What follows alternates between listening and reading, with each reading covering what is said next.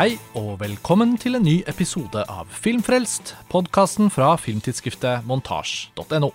Mitt navn er Karsten Meinick, og vi er omsider fremme ved den tradisjonsrike episoden hvor vi snakker om de beste filmene fra året som gikk. Altså de beste filmene fra 2020. Og med meg til å snakke om filmåret, så har jeg Tor Joakim Haga. Hei, Tor Joakim. Hallo, ja. Roskva Koritsinski. Hallo. Hei. Og Lars Ole Kristiansen. Hei. Hei. Dette er jo, som lytterne vet, en tradisjon. Og vi har liksom gjort denne tradisjonen mer eller mindre på samme måten, men justert litt fra år til år. Eh, Og Lars Ole, i fjor så var jo faktisk ikke du med, så velkommen tilbake. Jo, takk for det. Og Roskva, du er jo med for første gang eh, i denne episoden. Det stemmer. Og vi har alle kåringer da klare fra året som gikk. Våre personlige topp 20-lister vil bli publisert på montasje, men i podkasten så tradisjon tro går vi da gjennom våre topp ti lister. Og sånn som vi gjør det, er å begynne med tiendeplassene, og så snakke oss oppover. Og hvis en film går igjen på flere lister, så forsøker vi å samle det da til én prat om hver film. Tor Joakim, vi har blitt enige om å, å starte med deg, og uh, 2020 er jo selvfølgelig et litt spesielt år, da, av alt som har skjedd med pandemien som har pågått siden i hvert fall slutten av februar de fleste steder, og fortsatt pågår. Um, har du noen tanker du har gjort deg om året som gikk i forhold til filmåret, før du presenterer din tiendeplass? Ja, altså jeg var jo, når vi hadde vår forrige podkast, årsoppsummering, så fortalte jeg om at jeg hadde, hadde hatt en eh, slags, ikke ideologi, men en slags eh, idé om å bare se film jeg elsker og liker og har kost meg med opp gjennom livet, fremfor å, å den litt mer sånn leksete filmen som man av og til må se sånne festivalfilmer og nye uh, kunstfilmer og sånn. Og den uh, tankegangen fortsatte jeg med også inn i 2020. Uh, og når da landet og kinoene ble stengt ned i mars osv., så, videre, så var jo det bare enda en grunn egentlig til å fortsette med det og se opp igjen eh, gamle, gode filmer jeg, jeg liker. Så det har jeg egentlig gjort. Jeg har sett eh, ikke så mange filmer som i fjor, men jeg har sett 304 filmer i 2020, hvorav da det litt lave tallet 111 er fra 2020, men det har jo da selvfølgelig også litt med at eh, ja, filmproduksjonen og så gikk ned. Så det egentlig har vært litt deilig for meg å slippe mange av disse her festivalleksene eh, underveis. Ja, altså hvis pandemien har vært eh, inngripende i et hverdagsliv ute blant andre mennesker og rundt omkring på reiser og sånn, så har jo ikke pandemien vært så veldig inngripende i filminteressertes muligheter til å se mye film. Ikke hvis man har strømmetjenester og hjemmekinoanlegg og, det, og så videre og så videre. Jeg har det jo litt på samme måte som uh, Tor Joakim. Altså, jeg ser jo at jeg i år har endt opp med å se litt over 90 nye filmer, altså 2020-filmer, da.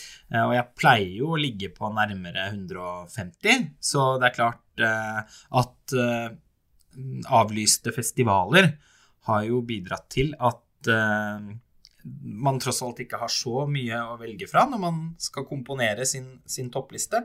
Men utover det så har jo også jeg sett eh, minst like mye film som ellers. Men da i all hovedsak eh, eldrefilm. Det har jo vært en ypperlig anledning til å koste på seg noen retrospektiver eh, og, og gjensyn og sånn. Og så fordi vi ikke minst og i og med at eh, vi har eh, holdt på med å, en, en omfattende kåring av 1980-tallets beste filmer, som vi ennå ikke er helt ferdig med, så har det blitt eh, innmari mye 80-tallsfilm fra hele verden. Eh, Så det har vært et veldig morsomt fordypningsprosjekt. Så det, har, det har vært et eh, år preget av, eh, av film, men tross alt da ikke fullt så mye eh, rykende fersk film som tidligere. Og det med festivaler, og at de i all hovedsak har enten vært avlyst eller avholdt digitalt, har jo preget eh, filmkulturen. Men også det at Hollywoods mange blockbustere og storfilmer har blitt utsatt, har jo også preget 2020, i den grad man egentlig skulle hatt en kåring hvor også vi kanskje ville ha snakket om uh, Dune, eller Ikke sant, det er mange av disse storfilmene som nå skyves inn i 2021. og nå, ja, eller James Bond, ikke sant. Så, mm. Så, så det, de uteblir jo til en viss grad også fra 2020-året. Men til gjengjeld så er det jo veldig mange strømmefilmer da, som har kommet inn fra venstre. og det, det bringer oss jo litt til eh, din tiendeplass, Tor Joakim. Vi kan jo starte nå med listene. Ja, altså det er jo, Jeg har jo en tradisjon, som lytterne kanskje har fått med seg, at jeg bruker tiendeplassen min til å fremme en, eh, en, sjangerfilm som kanskje har gått litt under radaren for folk flest, men som allikevel må være så sterk at den tross alt hører hjemme på en, eh, en tiendeplass. Og i år så var det faktisk den um, svenske filmen 'Breaking Surface'. Regissert av Joakim Hedén. Den er vel en slags svensk-norsk samarbeidsprosjekt, mener jeg. Eh, men det, er, det, var også en film som kom og gikk litt, føler jeg. Eh, og eh, den gikk vel litt på kino, nå husker jeg ikke helt hvor lenge og i hvilken grad. og sånn. Men jeg så den i hvert fall på en, en pressevisning. Og det er, et, det er altså en tight kammerdrama, egentlig, dette her, med et veldig stramt sånn high concept-premiss, egentlig, om en, eh, to, to, søstre som skal på dykketur opp i Lofoten. Så skjer det noe eh, som gjør at den lillesøstera da blir fanget på havbunnen, og så må da den eldre søstera eh, finne måter å, å redde henne på. Um, og um, Det er jo for så vidt altså undervannsfilm og sånn, det er jo ting man har sett før. og mange av disse tropene, Men den er, den er så etterrettelig da, i, i, i, sine vitenskapelige premisser her. Altså, at det skal være riktig oksygennivå og trykk og alt dette her. Jeg tror de har gjort en god del research på det, som hever selvfølgelig troverdigheten og, og nerven i det. Um, og så er den også veldig flott visualisert, syns jeg. Både denne her eh, Lofoten, um, Lofotens vinterskrud, da, som jeg, som jeg, skriver også i omtalen, som fargelagt i sjatteringer av hvitt, blått og grått, mens havbunnen er klar og iskald. Den, den er, det er noe sånn veldig, veldig vakkert i det. Og, og, ikke minst den her stadige fraværet fra situasjonen. Altså, vi følger denne storesøster rundt omkring også over overflaten mens hun prøver å finne eh, hjelpemidler og sånt.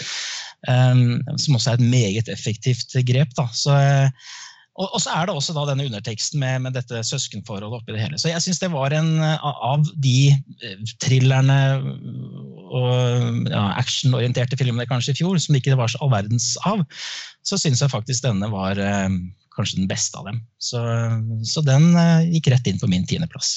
Spennende. Er, det, er han regissøren uh, en debutant, eller? Jeg har ikke hørt om han før. jeg. Nei, Jeg har heller ikke eh, noe forhold til han. Det er kanskje noen andre som har fra før. Jeg har i hvert fall ikke sett noe av hans tidligere ting. Jeg forbinder i hvert fall deg med den sjangeren også, i form av sånne lukkede rom og alt det. Du, du har jo ofte tidligere trukket fram filmer som spenningsfilmer, eller filmer i brytningspunktet mellom thriller og horror, kanskje, sånn survival.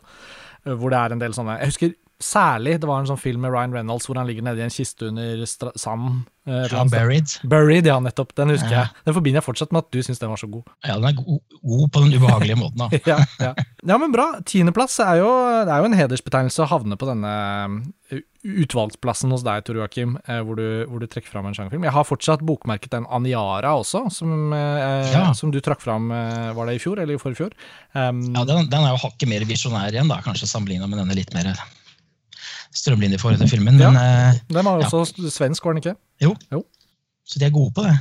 Da kan jeg komme med en fun fact når dere nevner Aniara. Jeg har ikke sett den, men den er jo basert på et langdikt av en svensk forfatter som heter Harry Martinsson, som nesten ingen i Norge i hvert fall vet hvem er. Eh, det som er litt spennende med Harry Martinsson, er at han er jo faktisk en av de få svenske forfatterne, eller nå er det ganske mange svenske sammenligna med fra andre land, men han har i hvert fall fått nobelprisen i litteratur eh, i 1978. Eh, og da satt han selv i svenske akademien, så han var med på å tildele nobelprisen til seg selv. Eh, veldig men han er en eh, veldig, veldig god forfatter med, et, ja, med en spennende livshistorie. Jeg har faktisk lest uh, biografien om han i fjor. Så det er også verdt å lese Aniara, det lange diktet som da handler om, om et romskip som uh, forlater uh, moderplaneten, og så finner de ut at de verken kommer til å komme fram til den planeten de er på vei til, eller har muligheten til å snu tilbake. Hm. Bare et lite tips der for den som det var en veldig god film, i hvert fall. Og det var jo også denne butikken i Oslo som het Aniara i mange år, som også selv er oppkalt etter det diktet, tror jeg. Men Roska, siden du tok ordet, så kan vi jo faktisk eh, bevege oss da over til din uh, tiendeplass. Ja, uh, der har jeg en amerikansk film som heter Never Rarely Sometimes Always av Eliza Hitman. Ja. Det er eh, kort fortalt en film om to 17 år gamle jenter, eller hovedpersonen er i hvert fall 17 år gammel, eh, som bor i, på et sånt småsted i Pennsylvania og lever sånn, sånn typisk arbeiderklasse, amerikansk arbeiderklasseliv der, hvor disse to unge jentene jobber på et supermarked og eh, ja, kommer fra familier som ikke har spesielt god råd, og som eh, på flere måter kanskje har noen problemer. Altså, det er noen familieforhold der som jeg tror det er ganske vanskelig å Eh, forholde seg til for hovedpersonen. Bl.a. et forhold til faren som, som, det ikke sies så mye om i filmen, men som det antydes at det ikke er helt som det skal, da, for å si det kort. Mm. Uh, og filmen uh, handler i hovedsak om at denne unge jenta veldig raskt finner ut at hun er gravid.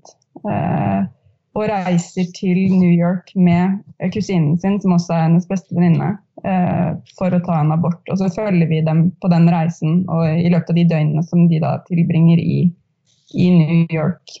Det er veldig spennende med denne filmen, Rosco. Jeg har den på niendeplass selv. Det er jo fint at vi kan snakke om den ganske tidlig i episoden. Den hadde jo sin opprinnelige premiere på filmfestivalen i Berlin rett før pandemien eh, brøt ut i Europa for alvor. Og så er den jo utgitt på DVD og klikkefilm og sånn eh, siden den gang, i hvert fall i USA. Men den har jo fortsatt ikke sikret norsk distribusjon, da. Så det er fint å kunne trekke fram en film som kanskje får en mulighet i 2021 til å ha en norsk premiere på, på klikkefilm eller på kino, men uh, foreløpig så er jo det en av de titlene som har blitt litt sånn fanget i pandemien i forhold til sånn internasjonal lansering og sånn, da. Jeg er mm. helt enig med deg at dette er en veldig sterk film, og hva, hva, hva syns du på en måte om, om forholdet mellom uh, de to kusinene? Uh, jeg syns det var litt sånn spesielt gripende relasjon. Ja, hele filmen er jo på mange måter Og det gjenspeiles jo i den relasjonen mellom de to også. Det er en veldig stillferdig film. Altså, den bærer preg av at eh, de to hovedrolleinnehaverne kanskje ikke har sånn veldig mye skuespillererfaring. Uten at jeg vet noe om det, så er det inntrykket jeg får at regissøren har gjort noe veldig smart. Hun har casta noen som, som kler de rollene veldig godt, og så har hun bygd opp filmen på en sånn måte at den ikke er f.eks. er veldig dialogdrevet. Den er mye mer sånn sanselig og til stede og observerer dere eh, i, en, ja, i, den stillheten som de to jentene ofte deler. Da. Og det er kanskje det som er mest bemerkelsesverdig med den relasjonen. At det ikke er så ofte vi får se unge mennesker på film som, eh, som bare er sammen uten at det eh, er så mye prat eller intriger eller hemmeligheter. eller altså sånn de, bare, de sitter på bussen sammen, de går i gatene sammen uten at det alltid må være noe som snakkes om, og du får fram en sånn type nærhet mellom dem. Uh, ja, som er ganske sjeldent at jeg har sett. Det er, det er et veldig fint uh, poeng. Den, den, har noen sånn Lucas Modisson-aktige kvaliteter. Synes jeg den, uh, den, er på min 15. plass, uh, så jeg var òg veldig uh, begeistra for, for, den filmen. Og og mye av det handler om den måten den liksom eh, skildrer en relasjon mellom de to kusinene på. Da. Begge to veldig sånn, fint spilt, syns jeg. Jeg skjønner hva du mener eh, med at de sikkert ikke har så mye erfaring fra før av Raskva, men, eh, og, og, nett, og, nettopp det skaper en sånn ruhet, på en måte. Eller en, et fravær av tilgjorthet som fungerer veldig fint da, for, for filmen. Også i og med at den er i et sånt sosialrealistisk eh, modus som vi gjerne forbinder med europeisk festivalfilm. Altså Dardem-brødrene, og ikke minst eh, rumensk nybølge, i og med at eh, filmen tematiserer abort. Så er jo det eh, noe vi underlig nok eh, kanskje fortsatt forbinder litt med, med rumensk film, takket være Christian Mungius mesterverk eh, fire måneder, tre uker og to dager.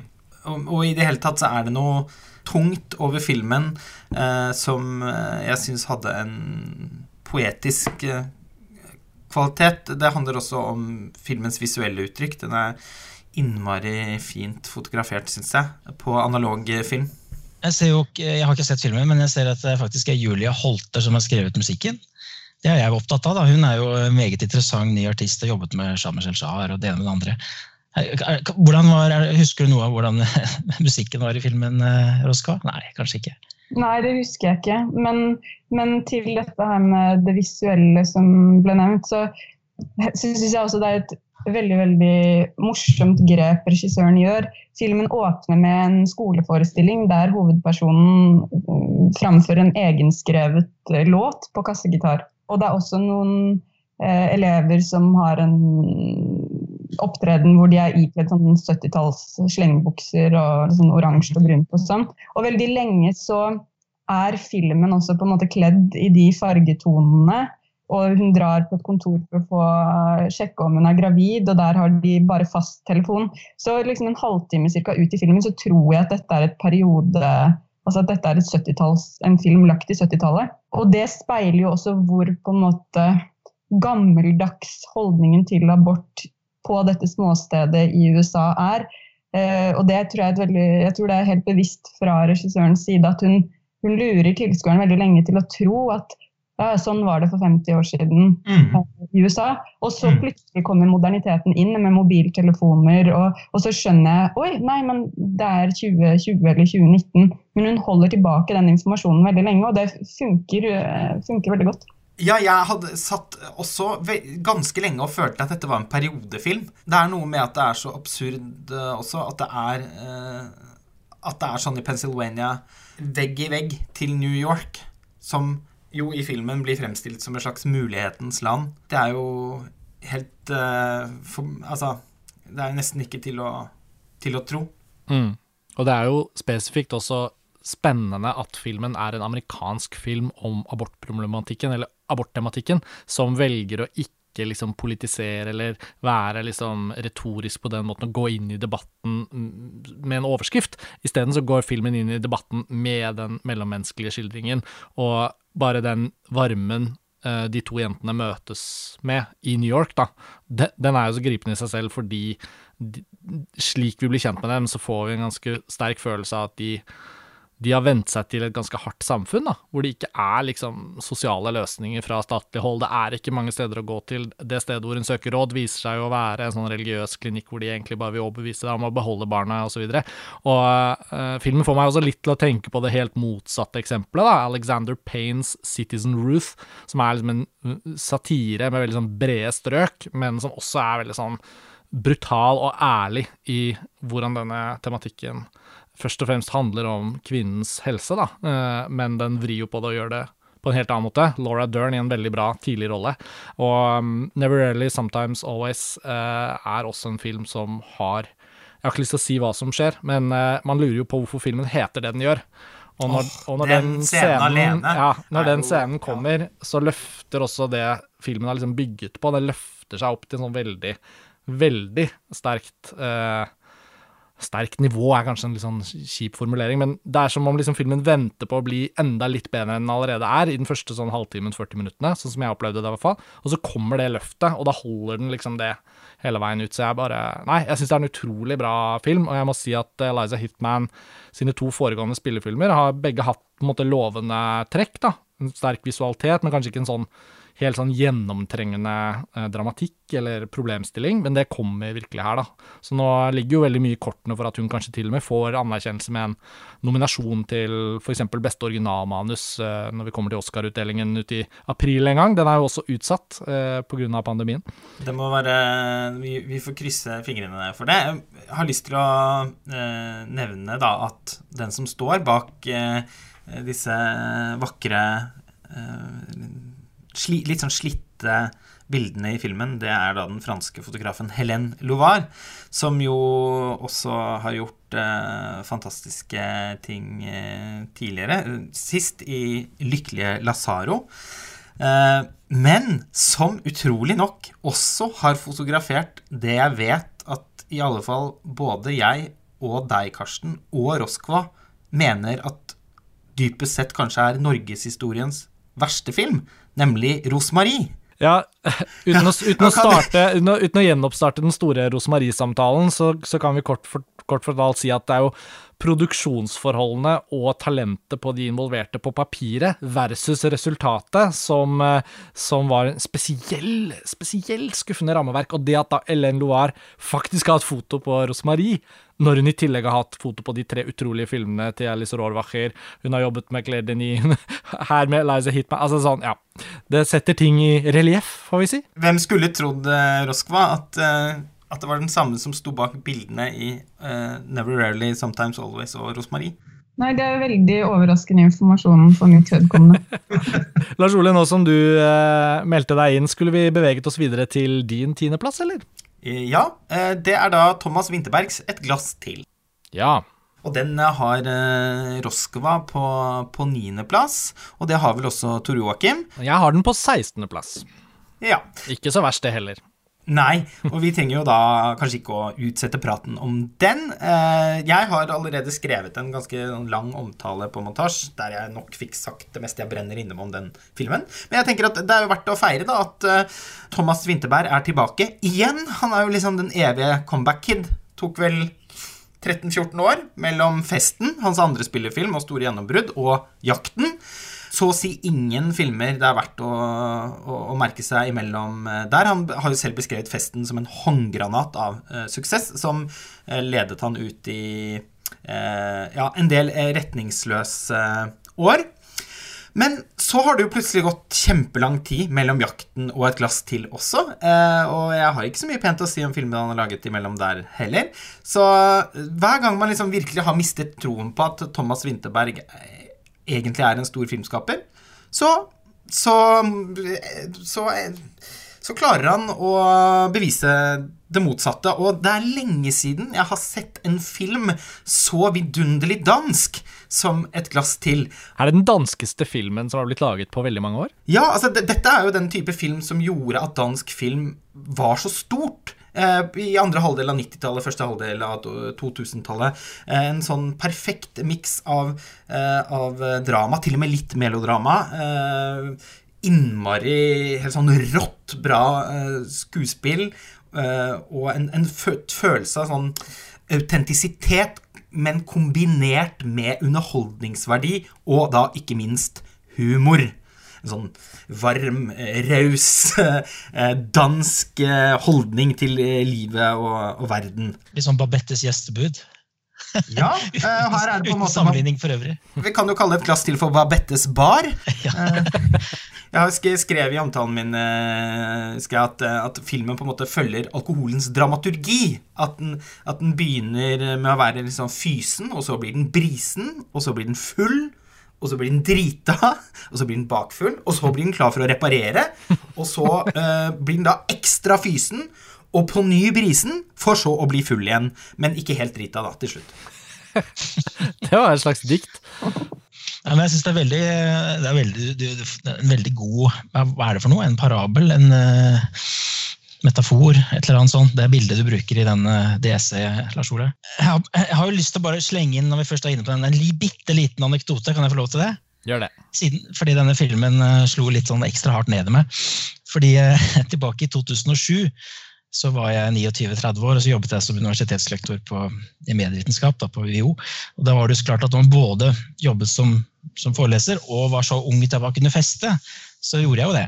Kombinerte de to. Og det var da en dag jeg gikk på en fest midt i, midt i uka, og den varte og rakk, og det var nachspiel. og Dagen etter på morgenen så skulle jeg undervise i visuell retorikk for journaliststudenter.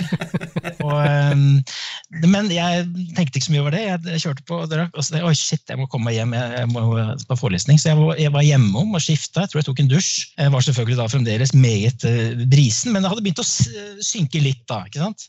Kommer på forelesning og er og holder en veldig levende tror jeg, forelesning om visuell retorikk for disse kidsa. Det var en svær sal, det var 300 journaliststudenter. Går rundt i salen og litt animert, kanskje. Så jeg var litt bekymret, men det kom da studenter opp til meg etterpå og sa at dette er den beste forelesning du har holdt, og det var liksom ikke måte på. så, så, jeg fikk da eh, jeg, ikke, jeg, gjorde det ikke igjen, også, men det var sånn en, en, jeg fikk smake litt på det der med at en liten bris, det, det kan føre til gode resultater. Så det, det slo meg veldig i denne filmen også. Ja, men jeg føler filmen inviterer oss til å snakke litt sånn åpent og på en måte uten tabu rundt gradene av alkohol. Da. Og i Et glass til så syns jeg også at Winterberg og ikke minst Mats Mikkelsen i den største rollen, men liksom hele skuespillergalleriet, hele stemningen, alt det danske som du sa, Lars Ole, all, all den varmen den filmen her utstråler rundt en tematikk som kan være i det ene øyeblikket veldig sår, men i det andre øyeblikket også litt sånn livsbejaende. Og jeg kobler det litt på noe så enkelt som? Når vi er ute på filmfestivaler i et vanlig år uten pandemi, og man går inn og ut av filmer og kanskje er litt sånn underernært eller uh, må stå i lange køer i solskinn i Cannes? Altså, sånn, Dette er jo selvfølgelig luksusproblemer, da, men det er noe med at en beruselse rundt det man brenner for, da. Rollefiguren i filmen brenner for undervisning og er veldig lei seg over at ikke de ikke har den gnisten de pleide å ha. Uh, og for eksempel når vi er ute og ser, og oppdager ny film og snakker om det. Og? Det er jo sånn, det der, De to, tre, fire glassene som er en del av en sånn ettermiddag kveld inn og ut av filmer, og så skal det være en kveld med en feiring? Har vi oppdaget noe utrolig? Eller skal man hjem og legge seg for å rekke den filmen klokken 8.30 ikke sant, om morgenen etter? Altså sånn, Jeg syns filmen er med å liksom bare får oss til å tenke rundt den tematikken på en veldig sånn sjenerøs måte. Og det er jo utrolig få filmer som gjør det, altså som faktisk tar tak i akkurat det.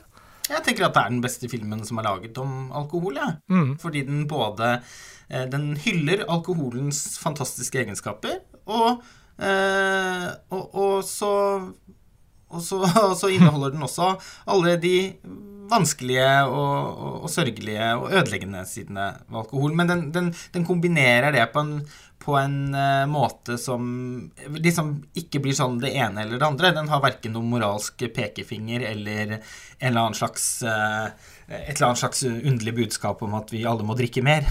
og så har den heller ikke en sånn, sånn Det sleit jo jeg med med jakten. At den har sånn insisterende retorikk da, på å fy fader, så urettferdig alt skal være. Og vi, vi stiller spørsmål istedenfor å svare oppriktig, og det fører til mer usikkerhet. Altså, Den unngår alt det, da, syns jeg. da, for Den er mye lettere i tonen, og det likte jeg veldig godt. Jeg opplevde nok, eh, jeg er enig i alt dere sier, og samtidig så, så opplevde jeg nok også at filmen handler ganske mye og på subtile måter om hva alkohol er et substitutt for. Altså sånn at Den handler like mye om, om et liksom vestlig samfunn uten tilstedeværelse av religion eller åndelig, en, måte, vei, en åndelig veiledning for hvordan å leve. Og også på en måte den tomheten som oppstår. Det høres jo fort veldig banalt ut, men jeg syns den gjør det på en ganske lite banal måte. Ehm, den tomheten som kan oppstå i et samfunn som tilsynelatende er veldig fritt og åpent, men samtidig like under overflaten veldig gjennomregulert og konformt. Da. En scene som, som liksom peker litt på den tematikken, er eh, han ene studenten som skal opp til eksamen mot slutten av filmen og snakke om Søren Kirkegård. Uh, som på en måte kaster et slags nytt lys over det vi har sett så langt i filmen. Eh, Søren Kirkegård er jo eh, berømt kristen tenker, samtidig som han tenkte om kristendommen på en ganske ny og revolusjonerende måte, og blir jo gjerne regna som eksistensialismens far. Men nettopp det her hvordan alkoholen er et middel for å komme i kontakt med noe levende, noe ekstatisk som totalt mangler i det der veldig flate, sekulære samfunnet hvor det ikke finnes så mange rom for opphøydhet. Da. Jeg syns det er det filmen i veldig stor grad handler om. For meg, i hvert fall. Ja, det ser man jo eh, også i de ganske mange scenene i, i, i, hvert fall tidlig i filmen, der hvor eh, Mats Mikkelsen, som, som jo er, spiller hovedpersonen, tilbringer en ganske mye tid i sitt veldig sånn typisk danske enetasjers eh, murhus. Der, der, liksom alt ligger til rette. Eh, hvor man har tilgang på alt man egentlig liksom skulle måtte ønske seg i et hverdagsliv. Men hvor man Hvor det er et, et fravær av liv, på en måte. Det er så innmari eh, sånn trist skildre av det huset, forholdet hans til de to sønnene sine. 'Det er noe pizza i fryseren', sier han på et tidspunkt. Eh, det er helt åpenbart at glasset er halvtomt i det huset. Eh, og så etter hvert så forstår vi jo at det gjelder jo flere av disse lærerkollegene den overskridelsestrangen da, som de alle åpenbart går og bærer på av ulike årsaker, den, den hjelper alkoholen dem med å realisere på en eller annen måte. Mm. Og så håndterer de jo det veldig forskjellig, da. Bare å høre dere komme med forskjellige uh, innspill rundt filmen, viser jo også, syns jeg, uh, at dette er en film som virkelig egner seg til å snakke om. Altså, uh, jeg tror jo det har vært kanskje noe av problemet med Thomas Winterbergs filmer mellom høydepunktene, er jo ikke bare at de ikke er så gode filmer, men det har vært noe sånn litt sånn ubetydelig over det han har liksom opp, på en måte. Jeg husker sånn en film som Submarino var en veldig sånn temafilm, men noen år etterpå så er det jo ingen som kan gjenfortelle noe av hva den filmen prøvde å handle om, fordi den var litt sånn at den bare gikk gjennom arket. Og jeg håper at Winterberg benytter anledningen nå som han opplever sin tredje store suksess, da, at han kanskje holder fast ved den litt sånn han er ordentlig inni det. Man merker liksom at han bryr seg virkelig om hva filmen handler om. Og det smitter jo veldig over på oss. Det hører man jo bare man snakker om det. Det tenker jeg på også i uformelle samtaler som har vært om denne filmen. Eh, eh, en film som også rakk å være en del av kinokulturen, da.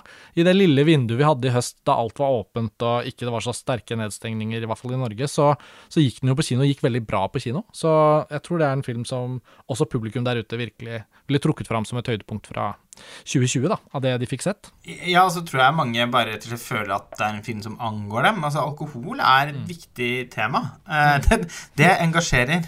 Altså, Apropos det du sa, eh, Roskva, at det er færre og færre som forholder seg til eh, en, eh, til en religion, eh, til noe åndelig. Altså det, det, er nå en gang sånn at alkoholen for mange vanlige mennesker representerer noe litt magisk i livet som er akseptert, eh, og som er en del av, av, kulturen vår. Og så kan man si at den danske drikkekulturen eh, er litt annerledes enn den norske. På godt og vondt, eh, tror jeg. Jeg trenger ikke gå noe mer inn i det, men poenget mitt var jo at jeg, jeg tror faktisk liksom at, at filmen eh, engasjerer sånn som den gjør fordi folk Altså, alkohol er, viktig, er en viktig del av livet for mange. Det frister jo selvfølgelig å nå servere seg selv. Ja, eh, det er litt tidlig på dagen eh, når vi gjør dette opptaket for min del, men en, en, korrekt feiring av denne filmen ville jo selvfølgelig vært å sende en skål rundt eh, det virtuelle rundebordet, men vi får gjøre noe så tørt og kjedelig og bevege oss over til min tiendeplass. Tor Joakim, du fortalte jo at din tiendeplass er litt sånn fast dedikert til en viss type film du vil trekke frem. Og det har egentlig ikke vært en tradisjon eh, for meg, men i år følte jeg litt at jeg ville benytte anledningen. Så på min tiendeplass så har jeg en delt plassering mellom to omfangsrike dokumentarfilmer om filmhistorie, eller om filmkultur. Og mm, det er Mark Cousins film Women Make Film og det er den indiske filmarkivaren Shivendra Singh Dungarpur sin film 'Checkmate in Search of Jiri Menzel'. Og jeg tror jeg skal holde meg ganske kort i min uh, listeomtale av, av, denne plasseringen, men uh, jeg, jeg, ønsker virkelig å trekke fram disse to produksjonene som sterke anbefalinger til de av lytterne våre som er såpass glad i film at de også syns det er morsomt å dykke inn i filmhistorien gjennom filmhistorisk dokumentarfilm. Det er en egen subsjanger hvor dokumentarister lager en film om filmhistorien. En eller annen epoke, en person, et eller annet spesielt fokus. Og Hvis vi starter med Mark Cousins, da, så er det jo flere av oss som har sett hans forrige storproduksjon, Story of Film. Og det regnes jo selvfølgelig som en serie. Og det er vanskelig å ikke si at også denne Women Make Film er en serie, men ettersom Mark Cousins selv omtaler det som en film, så føler jeg liksom at det kvalifiserer, da. Han må jo få lov å definere det som han vil, men det er jo da 840 minutter, altså 14 timer, og han fokuserer jo da på kvinnelige filmskapere, og ønsker ikke å nødvendigvis da eh, vinkle denne serien eller denne filmen som en slags form for sånn eh, eh, opprop for eh, likestilling i seg selv. Tvert imot så ønsker han å omtale deres glimrende bidrag til filmhistorien på en måte som gjør at de likestilles, rett og slett gjennom å bli tatt like mye på alvor. Og det han gjør denne gangen, er å bygge opp en gjennomgang av filmspråklige virkemidler. Så det er slags, sånn, nesten som en slags filmskole med 40 kapitler, hvor han bit for bit går gjennom hva vi kan gjøre med film, og så bruker han eksempler utelukkende fra filmer regissert av kvinner. Så da kan det være f.eks. Eh, samtaler eller meet cute. ikke sant? Sånne type ting som vi ikke sant? Når to mennesker møter og har en samtale, hvordan kan det løses på film? Og så bruker han noen eksempler. Eh, og til forskjell fra Story of Film, som hadde voiceover av Mark Cousins selv, og Lars Ole, hvordan høres det ut når Mark Cousins har en voiceover på film? In this film One of the greatest of all time. og det kan jo for noen være bitte litt enerverende og underlig, å høre Mark Cousins voiceover hvis ikke man har vent seg til det. Grepet i denne filmen er at han ikke har voiceover. Tvert imot så har han da fått med seg et stjernelag av skuespillere til å fortelle teksten. Så i starten av filmen så er det da Tilda Swinton, og så fordeles oppgaven videre utover. Jane Fonda, uh, Keri Fox, Tandy Newton, Deborah Winger så, uh, og flere. Så det har en veldig sånn heldig effekt, da, og det skiller det litt fra de andre tingene han har laget, som jeg har sett, i hvert fall.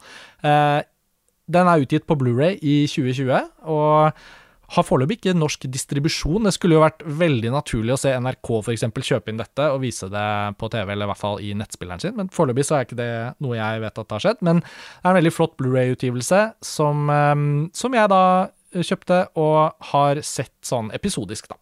Jeg syns det var utrolig bra, og veldig sånn lekende lett formidlet, eh, så det kan jeg bare anbefale til alle. Og så er det denne Checkmate in search of G.D. Menzel, og den har vi et essay om ute på montasje, skrevet av Erik Ivar Sæther. Og filmen er jo da fokusert på én regissør, sånn i tittelen, Giri Menzel, den store tsjekkiske uh, regissøren som var en del av um, tsjekkiske nybølgen, og som gikk bort faktisk i 2020. Um, og han uh, filmarkivaren, da, Shivendra Singh Dungarpur, han er jo et litt sånn umake forteller for denne filmen, for den handler jo om tsjekkisk filmkultur. Men av en eller annen grunn så er det jo ikke da en ung tsjekkisk dokumentarist som har laget denne filmen, men tvert imot en, en indisk eh, arkivar, dokumentarist, filmskaper, entusiast. Han har en sånn fantastisk formidlingsevne. Og den filmen er 448 minutter, eller syv timer. Og av en eller annen grunn så har jo da ingen av disse to lagt bånd på seg i forhold til spilletid, og denne ble også utgitt på Blu-ray i 2020, men nok en gang så har det da vært så mye å fortelle at uh, man blir jo litt sånn rørt over at ikke den har begrenset seg selv eller blitt forkortet. Fordi i jakten på Jiri Menzel, og som et portrett av ham, så er jo egentlig også filmen bare den ultimate gjennomgangen av alle figurene og filmene fra den tsjekkiske nybølgen. Og det inkluderer jo Milos Forman og flere andre kjente filmskapere, fotografer som senere dro til Hollywood og jobbet der. Og noe av det mest bittersøte med denne filmen er at den er tatt opp over så mange år at da jeg og, og da vi hadde den artikkelen på trykk på montasje om filmen i 2020, så er jo også tilfellet at nesten alle har gått bort. Så han har akkurat rukket da og møtt opp hos alle disse gamle mennene og kvinnene og intervjuet dem, fått alle anekdotene, alt, og så har de nesten alle gått bort. Så det blir sånn skikkelig sånn dokumentasjon av den siste sånn Altså han har fanget inn de siste uh, fortellingene fra hele den generasjonen av filmskapere. Så ja, det er min tiendeplass. Er da at disse to var to sånne filmhistoriske dokumentarer uh, som kom i 2020, og som jeg hadde skikkelig glede av, og følte at det var sånn berikende, morsomme, spennende ting å se. Så Hvor kan man få sett disse? Jeg ble veldig nysgjerrig. Blu-ray. Utgitt i Storbritannia. Bestille fra amazon.co.uk, for eksempel. Er under tollgrensen, så det er bare å bare å kjøre på. Altså, Jeg er mektig imponert Karsten, over at du rakk å prioritere de her eh, gjennom eh, julen. Eh, særlig da den Mark Cousins-serien, eller ja, 14 timer lange filmen, ja. eh, er jeg veldig spent på. Så den, eh, den skal jeg se eh, snart. Men den blir jo da på en måte en 2021. Ja. For min og, og, og, nå nevner jeg det, og trekker de fram, og så kan jo alle gjøre seg et lite notat. Og, og det er ikke mange hundrelappene som skal til før man har kjøpt inn disse to. Og da, da har man jo en sånn utrolig fin kilde å gå til den dagen eller under en ny nedstengning, hvem vet, utover våren, hvor man kanskje tenker nei, nå setter jeg meg ned med det. Og det er veldig inspirerende. Det er jo det som er så gøy, og det var jo det som var så gøy med Story of Film den gangen, Lars Ole, husker jeg vi snakket mye om at den, den, det var jo såpass smittsomt at man fikk jo lyst til å se ting om igjen nå, som man uh, hadde sett fra før av. Jeg husker du òg var veldig opptatt av den, eh, Roskva? Ja, jeg, jeg elsker den. og jeg tilhører jo den gruppen som faktisk liker hans måte å fortelle på. ja, men man merker også i Women, Women, Make Film at det er han som har skrevet det. Det er veldig sånn påfallende hans ord, men da ikke hans voice denne gangen, da. Men jeg, jeg har for meg, dette mulig jeg har misforstått, men jeg trodde at den serien eh, lå ute på Vimeo, men det gjør den kanskje ikke? Eh, den ligger ikke offisielt eh, ute, så vidt meg bekjent. Men jeg fikk sett to første på en måte kapit eller episodene, på en måte. Da fikk jeg sett i fjor, altså i sommeren 2020 som, som presselinker. Og så, mm. og så ja, ventet jeg med resten, og så fikk jeg den Blu-rayen. da. Så det var, ja, det var jo da min tiendeplass, og litt som en sånn derre uh, Hva skal vi si, et retorisk poeng, Tor Joakim, litt sånn som du snakket om med tiendeplassen, at jeg ville liksom bruke den til å trekke de frem. Og de lar seg jo ikke kvalitetsmessig sammenligne med andre filmer i samme sjanger. Det var de to her som var to sånne lange filmhistoriske dokumentarer, da. Så, så det var det. Um, vi får bevege oss videre. Uh, Tore Joakim, da vi kommer vi til din niendeplass, og det var vel Det var et glass til, ja. Det var et glass til, ja. Nettopp. Uh, skal vi gå til deg da, Roskva? Ja, det er også et glass til. Ja, Og da blir det deg, da, Lars Ole? Ja, det er et glass til her også. Igjen, nei. Eh, det... det... er flott med dobbeltplasseringer, men det å ha et glass til på både tiende- og niendeplass, det syns jeg var litt drøy tolkning av den dobbeltplasseringsregelen. Ja, jeg er jo da kjent for å ha mange delte plasseringer på min liste, så det er en tradisjon jeg velger å opprettholde. Så på niendeplass eh, så har jeg da Mathias og Maxim til mm. Xavier Dolan og Waves til Trey Edward Schultz.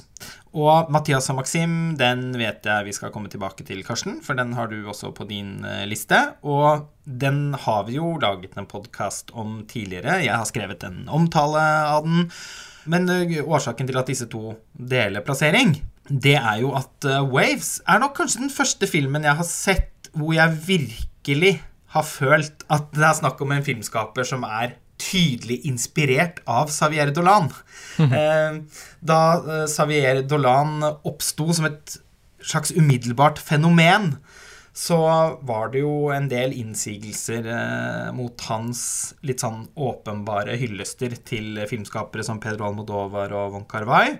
Men det som har skjedd i løpet av hans allerede veldig innholdsrike karriere, er jo rett og slett at han har blitt en veldig egenartet filmskaper, som nå selv er en inspirasjonskilde for for andre. Og jeg var veldig fascinert av debutfilmen til Trey Edward Schultz for noen år siden. Den heter Krisha, eh, og den minnet meg ja, i all hovedsak egentlig om Paul Thomas Anderson. Litt images, faktisk, jeg også.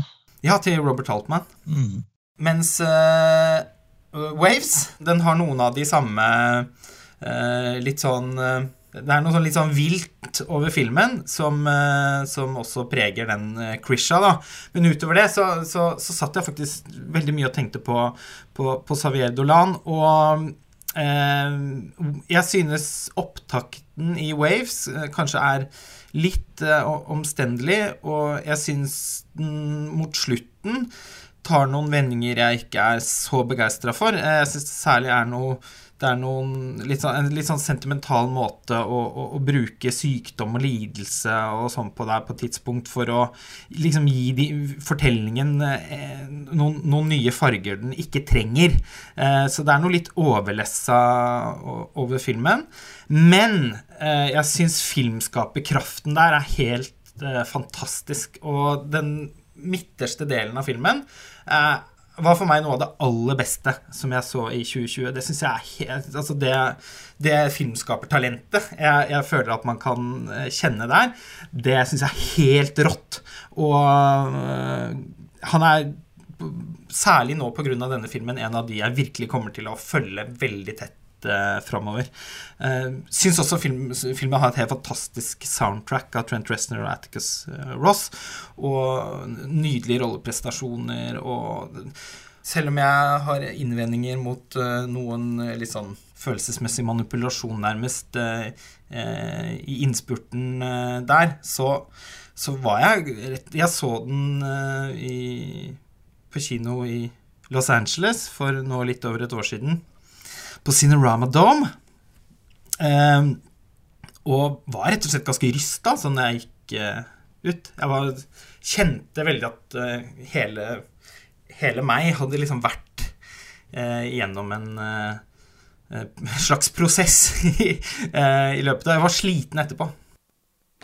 Roska, du og jeg diskuterte jo faktisk Waves i en episode av Filmfrelst for snart et år siden. Jeg tror det var en av de siste podkastepisodene vi lagde før eh, Norge ble stengt ned. Da var du på besøk her på mitt hjemmekontor, og så um, diskuterte vi noe av det Lars Olav snakker om nå, men vi var nok begge bitte litt mer kritiske enn uh, dette. Jeg husker det som en litt sånn ujevn film også, i noen av de skiftene den tar.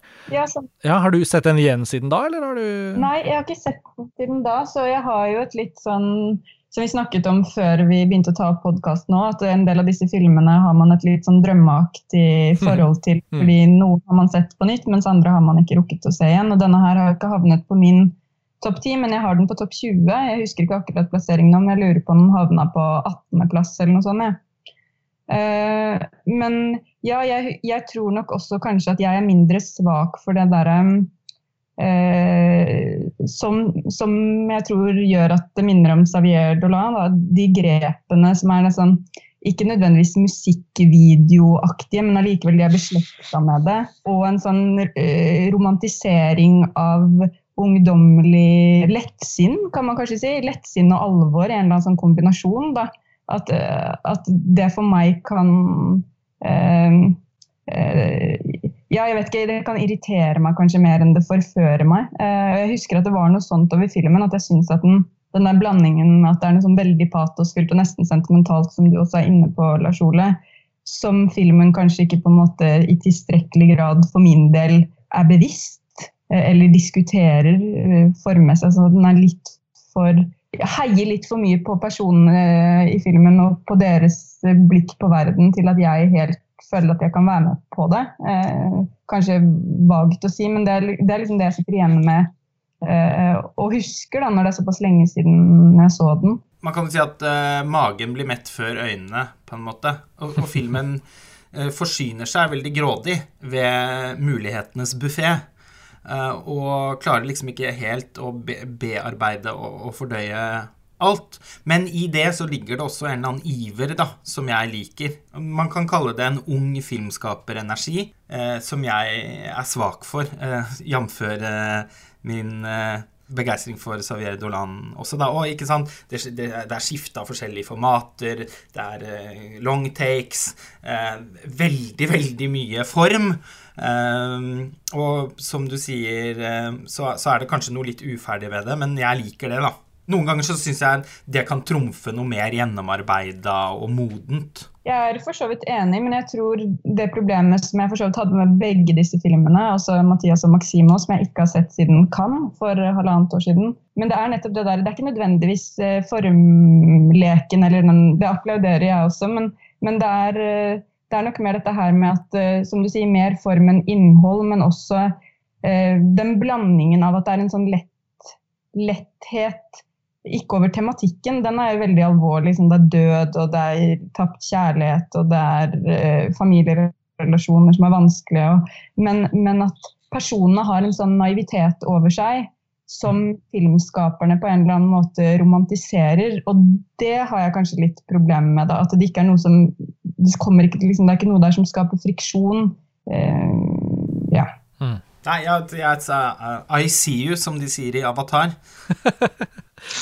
Skal vi bevege oss eh, videre til da Jo, altså min niendeplass, for så vidt, men det er jo Never Really, Sometimes Always. Og da er det kanskje tid for å snakke om Tor Joakims åttendeplass, da? Ja, det er vi vel da, ja. Det er jo da en film som jeg har registrert at ikke er på noen av deres lister, tror jeg. I hvert fall ikke på topp ti, og det er jo Christian Petzols eh, Undine. Mm. Som, jeg, som først trodde het Undine, men det har jo ikke noe med det å gjøre. Det er Undine, da.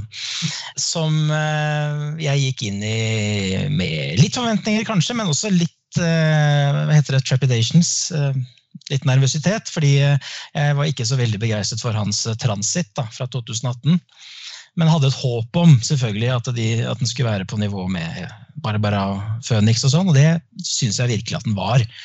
Det er Christian Petzold tilbake med sin magiske realisme, sånn som jeg liker den. Og jeg var ikke så i utgangspunktet så veldig kjent med den her opprinnelige myten da, om Undine i Paracelsus' mytologi, da, med denne vannymfen Undine, som selvfølgelig er inspirasjon for den lille havfruen og det som er. Ja, jeg la det spesielt merke til det i da, eh, filmen, uten å vite så mye om Paracelsus' mytologi. Hvordan hun konsumerer da, den her utkårede som hun har valgt, Eh, denne mannen spilt av Frans Rogowski.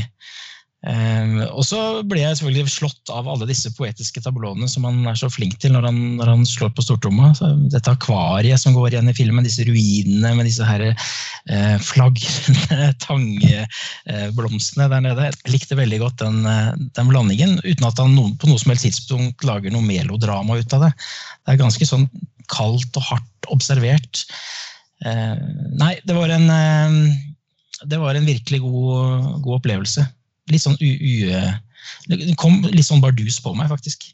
Mm. Eh, jeg og Karsten så jo filmen eh, i Berlin for eh, et år siden og laget en podkast om den der. Vi var jo begge fascinerte og, og, og begeistra. Ja, den er på min Jeg har ikke 100% ferdigstilt min 11.-20.-plass enda, men den er, den er, minst en hederlig omtale, da. Det er nok der den havner for for, for, min del. Men jeg vet at du så den ganske nylig, Roskva, og var, eh, ikke var så begeistret. Nei, det stemmer. Eh, det skal sies at jeg også gikk til den med ganske høye forventninger. Både fordi jeg hadde hørt noen veldig lovende omtaler om den, og, eh, og også lest litt om denne myten som Tor Joakim refererer til, og syntes seg selv at det var sånn spennende, et spennende rammeverk. Um, så det er klart at hvis jeg hadde snublet over den i Berlin f.eks., så kan det hende at jeg hadde vært mer positiv. Um, sånne ting er jo litt vanskelig å, å, å overskue. Men uh, for min del så likte jeg veldig godt de partiene hvor denne Undine, hovedpersonen, foreleser uh, på altså hvor er det, Nasjonalmuseet eller noe sånt, hvor hun snakker om byutvikling og, og egentlig Berlins uh, arkitekturhistoriske utvikling.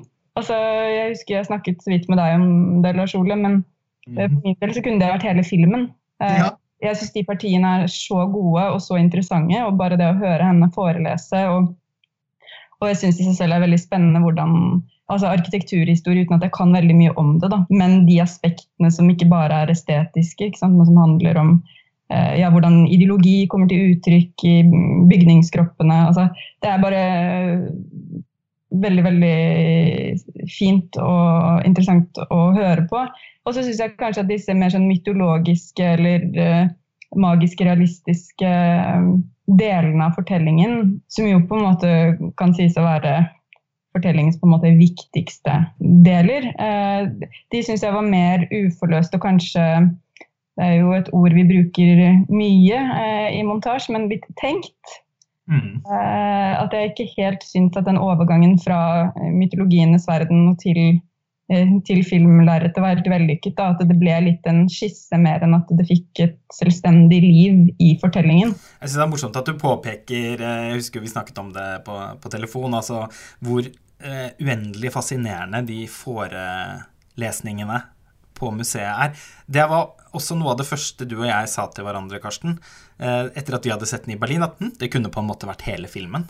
Ja, absolutt. Jeg, jeg, jeg bare nikker her. Jeg sitter Det er eh, det hjelper jo også å huske Undine litt bedre av å høre både Tor Joakim og Roska sette ord på filmens forskjellige dimensjoner, fordi det er en av de som har blitt litt en sånn uh, drøm for meg, og jeg husker den jo bare for alt den var bra på, uh, og, jeg, og, det var et høydepunkt i Berlin, Lars Ole, men um, i sammenstillingen av listen så kjente jeg bare liksom at det, ja, det bare klang veldig sånn hederlig omtale av den, så da, da havnet den der. Vi kan jo kanskje ja. Jeg bare skyte ned at jeg synes jo da Eh, vi snakket litt om at det føles litt off og rart med disse poetiske sekvensene, men jeg syns de er så godt plassert i filmens rytme. så at du nærmest, Det er jo som, du, som da denne, denne Undine er, hun, hun, er jo en slags sirene ikke sant, som kaller deg til seg med gjennom mellomrom. Så når du tror liksom at fortellingen har liksom forløst seg og, og, ting er på plass, nei, så kommer det en ny sånn sirenekall, trekker det inn igjen. Jeg syns det på en måte var veldig god, godt løst. da. I historien. Men jeg skjønner at det, vi har ikke helt samme, helt samme opplevelse av det. Ja, men altså, Min opplevelse er nok nokså tett på din i og for seg. Altså, tror jeg ikke, fordi jeg, Vi kan jo bare kort si noe om hvem Christian Petzold er. da. Altså, I likhet med Marinade og Hva flest av grisebakk og Ulrik Køhler og Thomas Aslan og eh, Angela Sjanelek, heter hun vel. Yep. Eh, så er han en del av en gruppering med regissører som man gjerne omtaler som Berlinerskolen. Og jeg har sett um, Jeg har ikke sett alle filmene til Betzold, men nesten alle. Um, og um, det var, føltes litt sånn som at han etter noen år med eksperimentering ønska å nå ut til et litt større publikum med periodefilmen Barbara, som jeg syns er helt uh, strålende, bare så det er sagt, og, og 'Føniks'. Og 'Føniks', den, uh, den la jo tysk historie og en intrige som kan minne en del om uh, Hitchcocks Vertigo og Almodovars Under huden, og ikke minst den franske til Franju, Øye uten ansikt, smelte sammen på en veldig elegant måte. Det er en sånn helstøpt film, men jeg må innrømme, for meg noe mindre spennende enn de tidlige Petzold-filmene, som eh, var preg av en litt mer sånn M. Night Shyamalan-aktig mystikk. Eh, så eh, jeg foretrekker stadig vekk Gespenster fra 2005 og, og Gjella fra, fra, 2007. Og med Undine så, så, følte jeg at han etter en litt for lang pause var tilbake igjen i det, i det landskapet, da. Så det var òg noe av uh, årsaken til at jeg tross alt satte så, så, pris på filmen. At uh, det, det, er egentlig på en måte her jeg ønsker at Petzold skal befinne seg. Og eh, fantastisk lyddesign og, og, og, kameraarbeid som, som, alltid hos han. Så jeg, det, det, er en film jeg gleder meg veldig til å se igjen, men takket være pandemien så har jeg heller da ikke fått uh, anledning rett og slett til å se den på kino. I, jeg har oppholdt meg ikke i Oslo de ukene den ble vist på kino der. Skal vi da bevege oss videre til eh, åttendeplassen hos Roskva? Og det er vel en film vi kanskje skal komme tilbake til når den dukker opp litt høyere på andres eh, lister? Ja. Det tror jeg det er lyset fra sjokoladefabrikken av Dag Johan Haugerud. Mm, spennende. Den ser jeg at en del av dere har litt høyere opp her, så den kan vi jo la marinere litt. Da lar vi den marinere. Lars Ole, skal vi gå til din eh, åttendeplass, da? Ja, det er Safti-brødrenes Uncut Gems. Ja. Ja. og vi ikler oss diamantene på fingrene og Ja. Drittfilmen om uh, fyren med historiens tetteste oppsyn og grusomste stil med verdens verste butikk og tidenes dårligste venner og en eh, familie fra helvete som eh, får tak i en opal. Ja, altså, for en film. Eh, Tor Joakim, du minnes kanskje at da vi du og jeg og Pernille hadde laget årslistepodkasten for eksakt et år siden, så er det vel mulig at vi lagde en podkastepisode om Uncut James. Og den er publisert, så lytterne har hørt den, men den ble litt, den ble lite grann redigert. Ja. men eh, Lars Ole, du var jo ikke med i den episoden. Nei, jeg var ikke det. Eh, jeg eh, så også Uncut James da i Los Angeles samme uken som jeg så Waves for 15 måneder siden. Men har jo da hatt gleden av å se Uncut James igjen. Og det er en film som bare vokser og vokser eh, for min del, fordi den har innmari stor gjensynsverdi. Og jeg mistenker at uh, hvis den hadde fått enda et par år til på fat, så, så kunne den kommet enda høyere opp på, på listen min. For jeg merker veldig sterkt at dette er en film jeg kommer til å vende tilbake til ganske eh, mange ganger. Det er noe med at eh, sånne fortellinger om sånn fullstendig håpløse personligheter kan appellere litt. Jeg er f.eks. også veldig glad i Broadway Danny Rose til Woody Allen, en film som har ganske mange fellestrekk med Uncut Gems, ikke bare pga.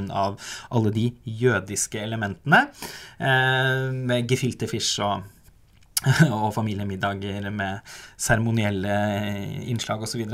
Men eh, Og Adam Sandler er jo bare helt helt fryktelig, da, eh, og fryktelig god. men han er altså så utålelig, men på en tilfredsstillende måte. Altså, synes dere bare Åh! Jeg syns han er så fryktelig! Og, og, det er en scene der hvor eh, kona, snart ekskona hans, at, begynner å le fordi hun syns oppsynet hans er så teit. Ja. og da er det nesten så filmen bryter den fjerde veggen, på en måte. Fordi eh, Ja! Det, det, det, det, Godt sagt! jeg sitter og tenker det samme. Samtidig som jeg også utvikler en sånn empati Jeg får så vondt av nå eh, underveis. Og det Og den er den, Filmen har mye sånn repetisjonshumor, og som ved første møte kan bli litt sånn i overkant slitsomt, men så hvis man gir det litt tid, så, så, så vokser jo effekten, rett og slett. Altså, eh, Sist jeg så den, så, så lo jeg nesten sammenhengen, altså fra han sier ja, etter den utrolige eh, fortekstsekvensen hvor han utbryter What the fuck is the weekend? så, så det, er jo, det, er jo, blitt en sånn mem, det har jeg sett, den der, det sitatet der. Ja. Det er bare helt uh, Og, og jeg, altså, Det er også en film, bare så det er sagt, det er stor forståelse for de som syns dette her bare er helt utålelig, og som uh, sliter med å finne noe som helst glede i, i, i dette her. Men for å være litt faglig òg, så er det jo veldig potent filmskaping her. Altså fantastisk foto av Darius Konji, skutt på 35 mm. Eh, fjorårets, eh, nå blir vi jo egentlig 2019, da, sitt beste soundtrack, som jeg har hørt eh, veldig, veldig mye på. Og med et sånt Altså, og den er, jeg syns også den, er, den har sånn uh, Scorsese-driv uh, i, i klipp i klippingen, og, der, altså, og måten uh, den bruker New York på og, altså, er, Jeg syns det er noen Jeg syns det er mange åpenbare kunstneriske kvaliteter i filmen også, men den, den er virkelig liksom en smakssak. Det er en veldig, veldig rar film. Altså, den kommer høyt opp på min liste, jeg tror det er tolvteplass eller noe sånt. Den føles eh, dypt postmodernistisk på en eller annen måte. Eh, og nå har vi jo snakka en del om drømmer, men, men det, å se på den filmen for meg, i hvert fall, fordi det hele tiden er et sånt lydspor altså det, er et, det er et så kaotisk eh, altså som du sier, Det er et veldig godt filmspråk, men det, det, klarer å vekke en sånn følelse av å mangle oversikt. Altså mm. Den personen mangler jo totalt uh, oversikt i livet sitt. men det smitter over på tilskueren òg. Jeg sitter og på en måte er litt usikker på hvor på lerretet jeg skal se, Uh, hvilke lyder jeg skal konsentrere meg om, hva er uvesentlig, hva er vesentlig informasjon. Det minner egentlig veldig om Det hender innimellom hvis jeg har mye å gjøre, at jeg har sånne drømmer hvor jeg altså Helt sånn absurd banale drømmer, hvor jeg f.eks. må finne en leppestift i en butikk som, hvor det er små hyller fra gulv til tak, og jeg må åpne hver eneste hylle for å lete etter den riktige fargen på leppestiften. Dette var en drøm jeg hadde her om dagen, hvor jeg tenkte etterpå ok, hva er det som er, hva er, det som er galt med meg? Men den filmen minner om en sånn type drøm, hvor du har annet, en ubetydelig praktisk oppgave du må løse. Men du er litt sånn desorientert og svimmel, men du skal finne fram til det. Og, og, det bare varer og varer og varer. Den følelsen satt jeg veldig med eh, under den filmen. Og så sakte, men sikkert så blir den på en måte klarere og skarpere. Og også på et eller annet nivå ganske gripende mot slutten. Mm. At jeg skal spoile så mye hva som skjer da. Men ja, jeg syns dette var en dypt eh, original film. Eh, og så kan det selvfølgelig også skyldes at jeg det er veldig mange av de filmene den sikkert snakker med og minner om som jeg ikke har sett, fordi jeg, det ligger ganske langt unna hva jeg velger å se når jeg skal sette meg ned og se en film. Men men jeg opplevde den som veldig uforutsigbar, samtidig som den spiller på noen sånn eh, noe arketypisk også. Så, så, er den så i formspråket sitt og i måten den beveger seg på eh, veldig veldig annerledes enn det meste jeg har sett. Jeg syns det var en skikkelig opplevelse. Ja, men altså, jeg, jeg, tenker at den er Selv om det man kan på en måte eh, trekke noen paralleller til Martin Scorsese eller Abel Ferrara og sånn, så, så, er den tross alt mest av alt en, en, et, et, originalt uttrykk. Den, den, ligner heller ikke så mange andre filmer jeg har sett, må jeg si. Og jeg syns det er veldig slående, Roskva, det du sier med, med de drømmene dine. Fordi sånne drømmer har jeg hele tiden. Eh, at jeg skal løse noe praktisk, og så er det ufattelig mange hindringer eh, i veien. Men, men selv om jeg, jeg, vet hva jeg skal gjøre, det er ikke egentlig noe tvil om hva som er målet, om du skjønner. Men, men så bare strekker det seg vanvittig ut i tid, da. Jeg kan jo føle at de drømmene varer i flere dager. Så, eh, og det tenker jeg òg blir understreka av ikke bare det litt sånn eh, Litt sånn nesten sånn eh, kvalmende grønnaktige ved, ved fotoet og, og, og, klipperytme, men også da soundtracket til On No Tricks Point Never eller eh, eh, Daniel Lopatin, som han er eh, kreditert som. Eh, på, på det, han, han sto jo også bak musikken i Good Time, den forrige filmen til Saftig-brødrene. Og, bare, og han sto også bak et av fjorårets beste album i det hele tatt, Magic uh, og No Tricks Point Never. Uh, han er bare et geni, altså. Og det det, vi, jeg husker da vi spilte inn vår eh, tre og en halv time lange podkast om Vangelis eh, tidligere i høst, eh, Tor Joakim. For eh, din, eh, ditt eh, filmmusikkmagasin Celluloid Tunes. Da sneiet vi innom dette soundtracket fordi det rommer så mange referanser til Vangelis. Ja, spesielt Spiral. uh, ja. Ballad fra Spiral. Jeg må bare si, bare skyte en, kort ting her. Um, har, jeg har jo allerede snakket om den i denne berømte podkasten fra i fjor. Men uh, det jeg syns er veldig fascinerende med filmen, liksom et par setninger, det er jo at det er en Altså, jeg liker den veldig godt. Den er på min 25.-plass, altså honorable hederlige omtaler.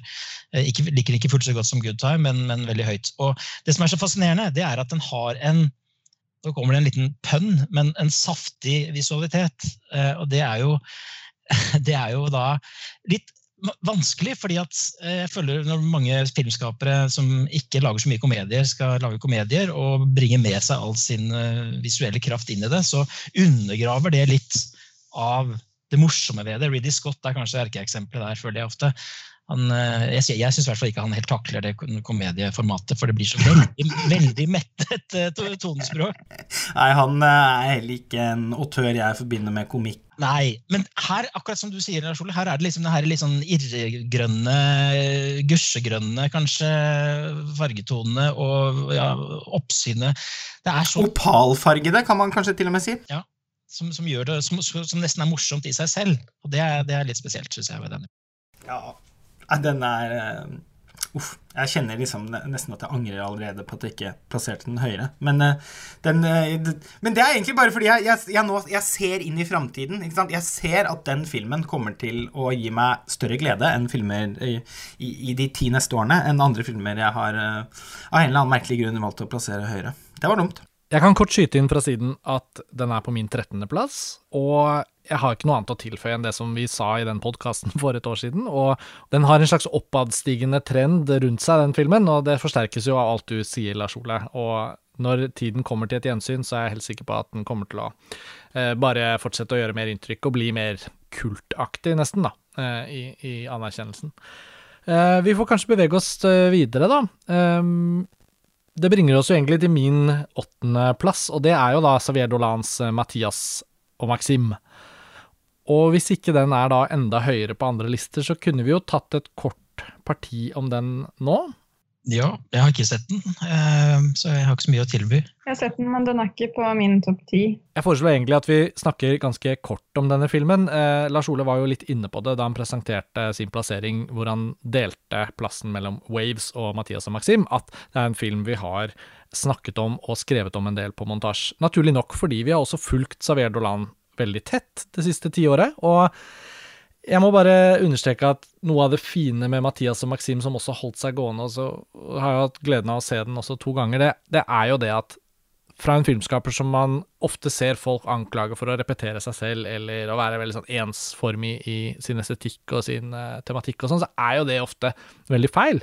Og jeg syns uh, Mathias og Maxim er en film som i mye større grad er med å utvide hva Xavier Dolan holder på med, enn at det repeterer, da. Jeg syns det er befriende å se at han virker å vokse med sine filmer.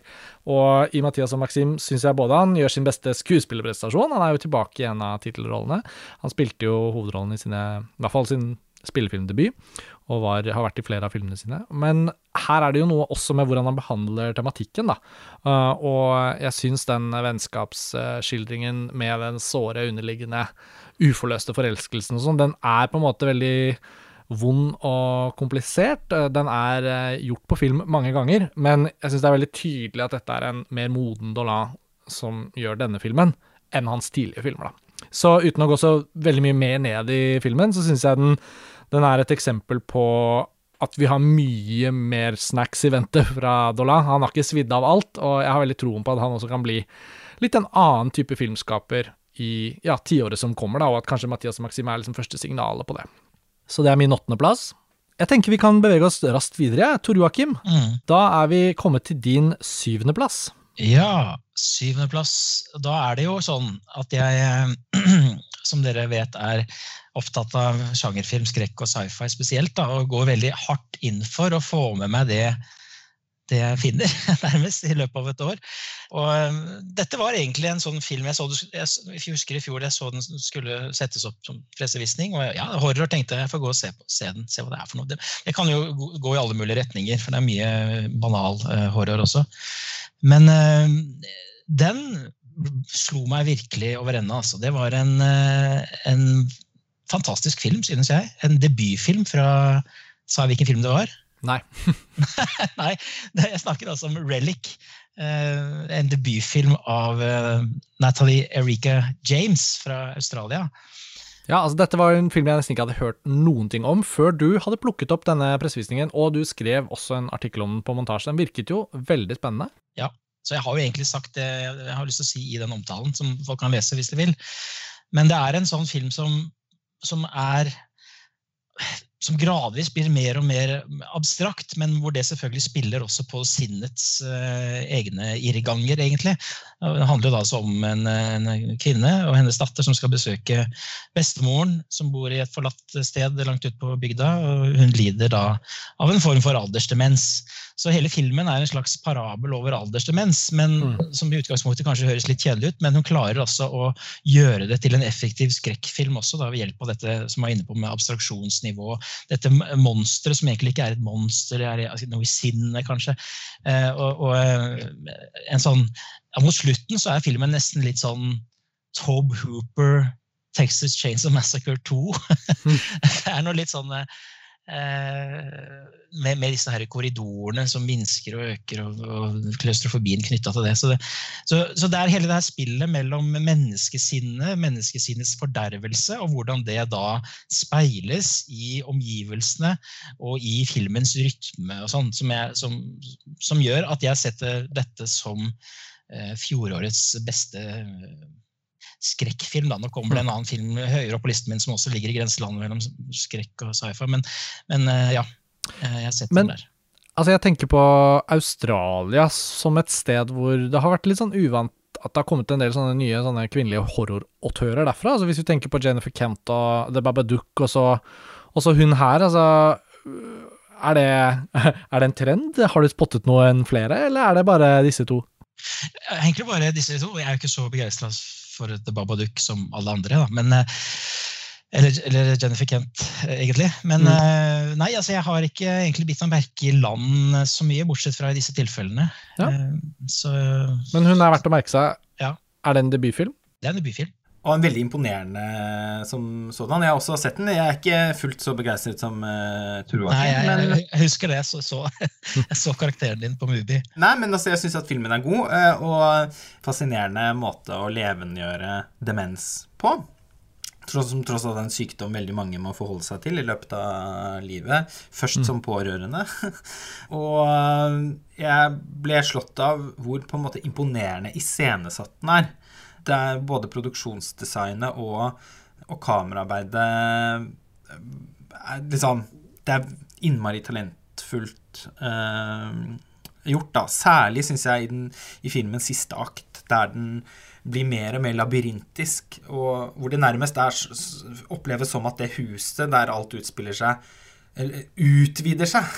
altså Eh, det blir nesten en hel verden. Og det er egentlig ene og alene takket være måten ting er iscenesatt uh, på. Så... Det er nesten som, som sånne kretsløp i hjernen, på en måte. Hele huset blir, blir på en måte det, da. føler jeg. Ja, altså, nesten sånn som Møbiusbånd. Ja, ja. så, så, det er veldig imponerende gjort. Sikkert også på ganske lavt uh, budsjett. Så jeg er veldig spent på å se hva hun gjør uh, framover. Nei, men Spennende. Jeg noterer meg Relic. Det er um... Det fikk ikke så lang tid på kino, tror jeg. kanskje. jeg vet at den gikk på kino, men jeg vet ikke. Den hadde kinopremiere i Norge omtrent samtidig med Et glass til til Thomas Winterberg. Da var det et sånt ja. vindu i høst hvor nesten de alle, alle filmer som skulle på kino, kom opp på datoene sine. Og så, og så kommer den vel opp igjen på klikkefilm da nå i 2021. Um, jeg noterer meg i hvert fall tipset, Tor Joakim. Det er bra å ha noen sånne grøssere for hånden for de av oss som ikke oppsøker dem aktivt, men heller venter til noen anbefaler dem. Må, ja da, det er kjempefint, men så må vi huske på at uh,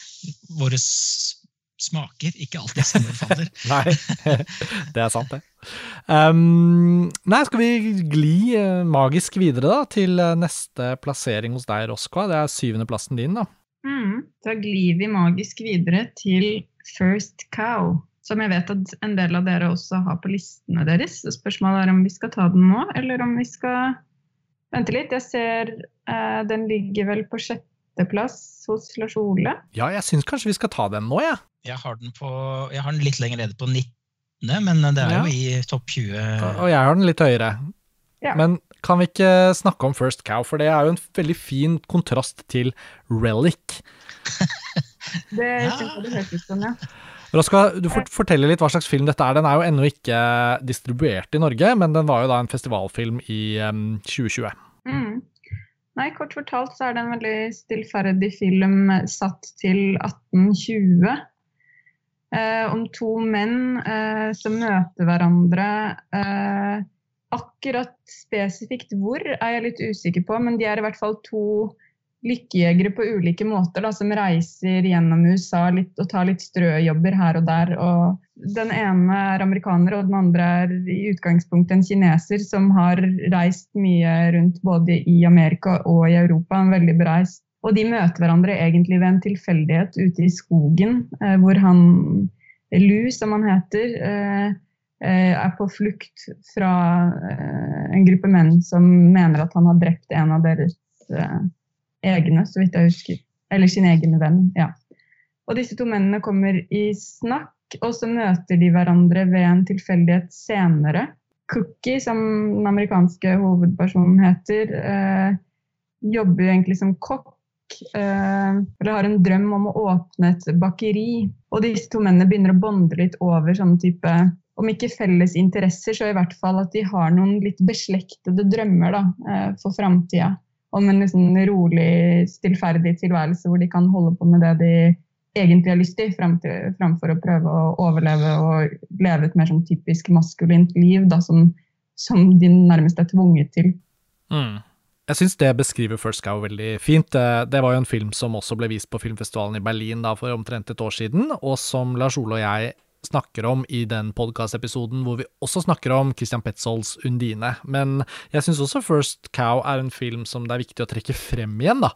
Og derfor er jeg så glad for å se den på, også på din liste, Roskva. Uh, her snakker vi om uh, Kelly Reichardt, som uh, har vært mye snakket om egentlig på montasje. Hennes filmer når jo veldig sjelden et stort publikum, og har jo vært utsatt for litt sånn uinteressert distribusjonsaktivitet i Norge. Uh, Wendy and Lucy gikk jo aldri på vanlig kino, f.eks., jeg syns jo det er et sånt mini-mesterverk. det er min favoritt blant hennes filmer, men, men, ble jo senere satt opp på cinematekene rundt omkring og sånn, da. Men, men det som er så fint med Kelly Reichardt, i tillegg til at hun ofte tar, tar, utgangspunkt i veldig sånne fine, små fortellinger som utbroderes til ganske sånn større tema, tematiske historier. Da. Det er jo det at hun har en sånn Hun har en sånn helt egen form for um, nysgjerrighet, tror jeg jeg vil kalle det, for menneskene i landskap, liksom. Altså at det er alltid et eller annet premiss for uh, i Wendy and Lucy for eksempel, så er det en uh, ung kvinne som er på vei et sted for å søke jobb. altså Hun skal til Alaska, tror jeg, med bilen sin, og så har hun en hund, da, uh, Lucy. Og problematikken handler egentlig først og fremst om uh, at, hun, at hunden forsvinner.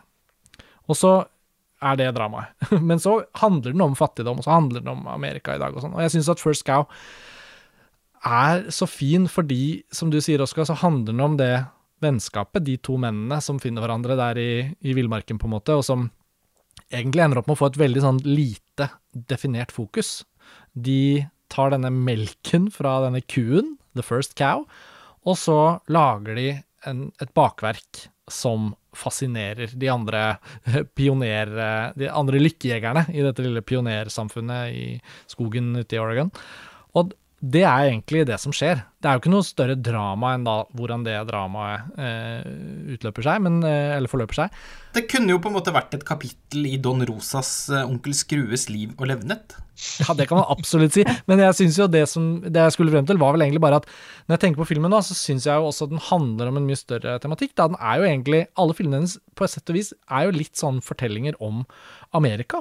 Uh, Americana, ja, som man kaller det for. hun ja. har egentlig bare laget én uh, dårlig film, og den da tenker jeg, den, den, den, skyver jeg til siden når jeg da kommer med disse oppsummeringene. Og så er det også veldig fint hvordan hun uh, Ja, fortellingen som du sier er liten, samtidig som den handler om en tid og om USA og liksom folk som kommer tilflyttende for å prøve lykken. Og, men så handler den også om Uten igjen Den minner meg nesten litt om den uh, never, rarely, sometimes, always, litt i måten den behandler tematikken sin på. Mm.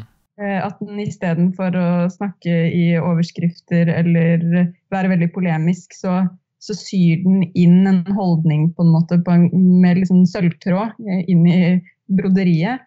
og her er det jo disse mennene som egentlig har ganske, hvis man skal sette et ord på det, ganske feminine interesser. altså sånn de vil bake, de drømmer om å åpne en, et lite bakeri sammen, kanskje med en kafé. Eh, de er ikke så interessert i dette villmannslivet som de nærmest har på en måte blitt tvunget ut i. Eh, de, de vil liksom ha et rolig liv med håndverk og håndarbeid uten så store liksom, fysiske anstrengelser. Og de liker å prate sammen. Altså, de har et vennskap som man kan se for seg, i hvert fall i den machokulturen som omkranser dem, kanskje blir sett på som litt feminint. Eh, men istedenfor å, å på en måte ta tak i den tematikken og blåse den opp og f.eks. gjøre at de blir eh, angrepet eller latterliggjort for det, så, så, får vi bare se at ok, det er litt annerledes, de har, det er litt annerledes hos dem enn det er. Altså, hun tegner fram noen kontraster, men, men hun setter ikke to streker under svaret eller eller er veldig opptatt av at vi ikke skal gå glipp av det budskapet eller den tematikken. Eh, det gir filmen en veldig sånn eh, stillferdig, subtil, eh, behagelig atmosfære å være i. Hvor vi på en måte ja, vi kan gjøre oss de tankene selv på egen hånd, uten at filmen hele tiden skal på en måte pushe på oss en diskusjon. Mm, mm. Det er faktisk et av de poengene jeg ville trekke frem også. Jeg er jo veldig besatt egentlig av filmer jeg er på jakt etter filmer som utspiller seg mellom 1492 og 1776 i USA, altså koloniperioden. Uh, det er veldig få av dem. Du har The Witch og du har liksom, The Crucible, og det er ikke så mange av dem. men denne filmen er jo satt betydelig senere. Jeg har alltid vært litt fascinert av denne, denne konflikten mellom menneske og natur, og temme den og tilføre vestlige eh, tradisjoner og religioner til villmarken. Altså Oscar og Lucinda av Gillian Armstrong er også et sånt eksempel hvor de prøver å sette opp en glasskirke i den australske villmarken. Men dette er ganske sånn store, episke prosjekter og formater. Eh, jeg syns Kelly Reichardt eh, lykkes veldig godt med å, som, som Roska sier, så tone det helt ned til rett og slett bare en, en bakesak som gir en liten glede for disse revenant-aktige menneskene som, som, de omgir seg med. Mm. Ja, altså Og bakesak, som du sier. Fordi dette er jo en, tross alt en kulinarisk film. Mm. Eh, og, og, så er det en, eh, som dere har vært inne på, da, selvfølgelig, en fortelling om Amerika. Og om, om handel, om eh, utveksling av kulturelle erfaringer og ideer og tradisjoner. Det er en veldig sånn eh, Det er en varm og forsonende film om eh, de grunnverdiene på en måte som eh, Amerika er bygget på. Og som dere har vært inne på, eh, særlig du, Roskva, så, så, er det noe med filmens toneleie og ro som gjør at den er så innmari behagelig å være i. Det er litt sånn som å, som å legge seg ned på litt sånn grønn mose i skogen og, og bare høre på, på på vinden og fuglene og Nei, men altså, den er Mens du spiser en scones-lignende bakvekst. ja, ja, men det er Intensitet og thrilleraktig nerve her òg, da. ikke sant? Ja, altså fa, fa, for, Fordi den, dette er jo også Kelly Reichardt så langt mest tilgjengelige publikumsvennlige film. Ja, og det sier jo litt. Ja, men altså Jeg syns det var eh, Altså svært eh, høy grad av suspens der på et tidspunkt når eh, de blir nødt til å smugle mer og mer eh, melk ut av denne kuen uh, osv. Men hun får til alt dette her med Uten å på en måte bryte eh, filmens eh, Eller om ryt, Filmens rytme endrer seg ikke. Hun, hun mestrer å finne andre måter å eh, lage litt sånn ulikartede eh, sekvenser og passasjer på. Antikli antiklimaktisk da, på en måte, men ikke på den negative måten. Nei, og så- og så har hun bare så innmari god smak. Altså, fi, altså Filmen er jo så vakkert fotografert, eh, selvfølgelig også på analog film, at eh, det er til å begynne å grine av. Og eh, jeg er ikke enig med dere i at eh, at Wendy and Lucy på en måte fortsatt er hennes største verk. Jeg syns den filmen er veldig god, men den er mer enn sånn, syns jeg, en ja, litt sånn italiensk neorealisme eh, satt til Amerika. Jeg syns hun har utviklet seg som filmskaper, og mm, etter min smak så er Certain Women og First Cow liksom hennes eh, beste filmer så langt, da. Så jeg føler at eh, hun Altså, og First Cow kanskje er for, for min del liksom hennes første mesterverk, da. Så eh, jeg gleder meg veldig til å se Jeg var en av de få som likte Mix Cutoff, ja da, men eh, ok. Jeg, jeg likte også den, men jeg har den tørre, tørre smaken av filmen. Sitter faktisk fortsatt i. Ja, den, Det er den tørreste filmen som er blitt laget, kanskje. Et, siden, Den- siden sekvenser mange, av Lawrence of Arabia, på en måte. Den har mange kvaliteter, eh, men eh, den Den krever tålmodighet, for å si det sånn. Nei, altså liker jeg at hun forteller eh, historier om Amerika. Eh, at hun på en måte har liksom tatt på seg den oppgaven. Eh, det setter jeg veldig pris på. Jeg føler at jeg lærer mye om amerikansk historie. Eh, både samtidshistorie og, eh, og, og, og fortid når jeg ser hennes filmer. Og så vil jeg bare skyte inn helt til slutt at jeg syns at eh, den siste scenen i filmen er veldig, veldig god. Altså Det er en sånn scene som jeg kommer til å huske lenge. Ja, enig. Enig. Og egentlig også den aller første scenen i, i denne Ja, ramme. Ja, det er veldig, veldig sterk. Helt fantastisk avslutning. Altså, og det sier noe om hennes sånn selvsikkerhet, og, og, og hun og, og at hun, hun stoler på at vi som publikummere klarer å være sånn meddiktere underveis. Det er veldig musikalsk gjort, syns jeg. Ja, enig. Så denne er jo da din syvendeplass, Roskva. Lars Ole, du har den på sjetteplass, eh, delt med en annen film. Det kommer vi vel til om ikke så lenge. Og jeg har den da på fjerdeplass. Men jeg syns det var veldig fint å få snakket om First Cow akkurat eh, nå. Det passet. Eh, Det tar oss til din Det er vel din plassering, da, Lars Ole, som er den neste. Sy din syvendeplass. Ja, og det er lyset fra sjokoladefabrikken til Dag Johan Haugerud. Men den kommer vi tilbake til. Den kommer vi tilbake til. Og da er det vel fort min tur igjen. Og min syvendeplass, det er Greta Gerwigs Little Women. Og jeg vet ikke om den kommer høyere opp, den gjør vel det litt høyere hos deg, Lars Ole, men uh, vi kunne jo snakket om den nå. Ja, det kan vi godt. Jeg har den på 51. Bra, Tor Joakim. Du, du, Jeg måtte, det er Ja. tradisjon at jeg sier hvor det, det ligger. ja, du, Ja, ja. du forankrer oss. Jeg har savnet de bemerkningene. Jeg glemte jo å si det i stad. Jeg turte ikke. Jeg glemte ikke å, si- altså jeg skulle sagt det på Waves, for Waves er på 80.-plass. Ja. Jeg ville ikke si noe, for det, for det Alroska hadde liksom sine innsigelser, så da hold, fikk det holde. Men det var god timing, Tor Joakim. De faste lytterne våre, som nå er kommet eh, langt inn i den andre timen av denne episoden, får jo nå servert en sånn, en sånn påskeegg fra deg. Da vet vi at nå, for herfra ut, så har vi med oss de diehardsene. Altså, det var veldig morsomt. Da tror jeg ikke at den rett og slett er en av årets aller verste filmer for deg. Ja, Men jeg liker eh, Schultz, da. Schultz. Ja. Du liker han, men bare ikke filmene hans. Jeg liker, jo, jeg liker Krysha, men nå skal jeg ikke gå tilbake dit. Jeg liker både Krysha og i It Comes At Night, men denne likte jeg ikke. Da skal vi gå videre til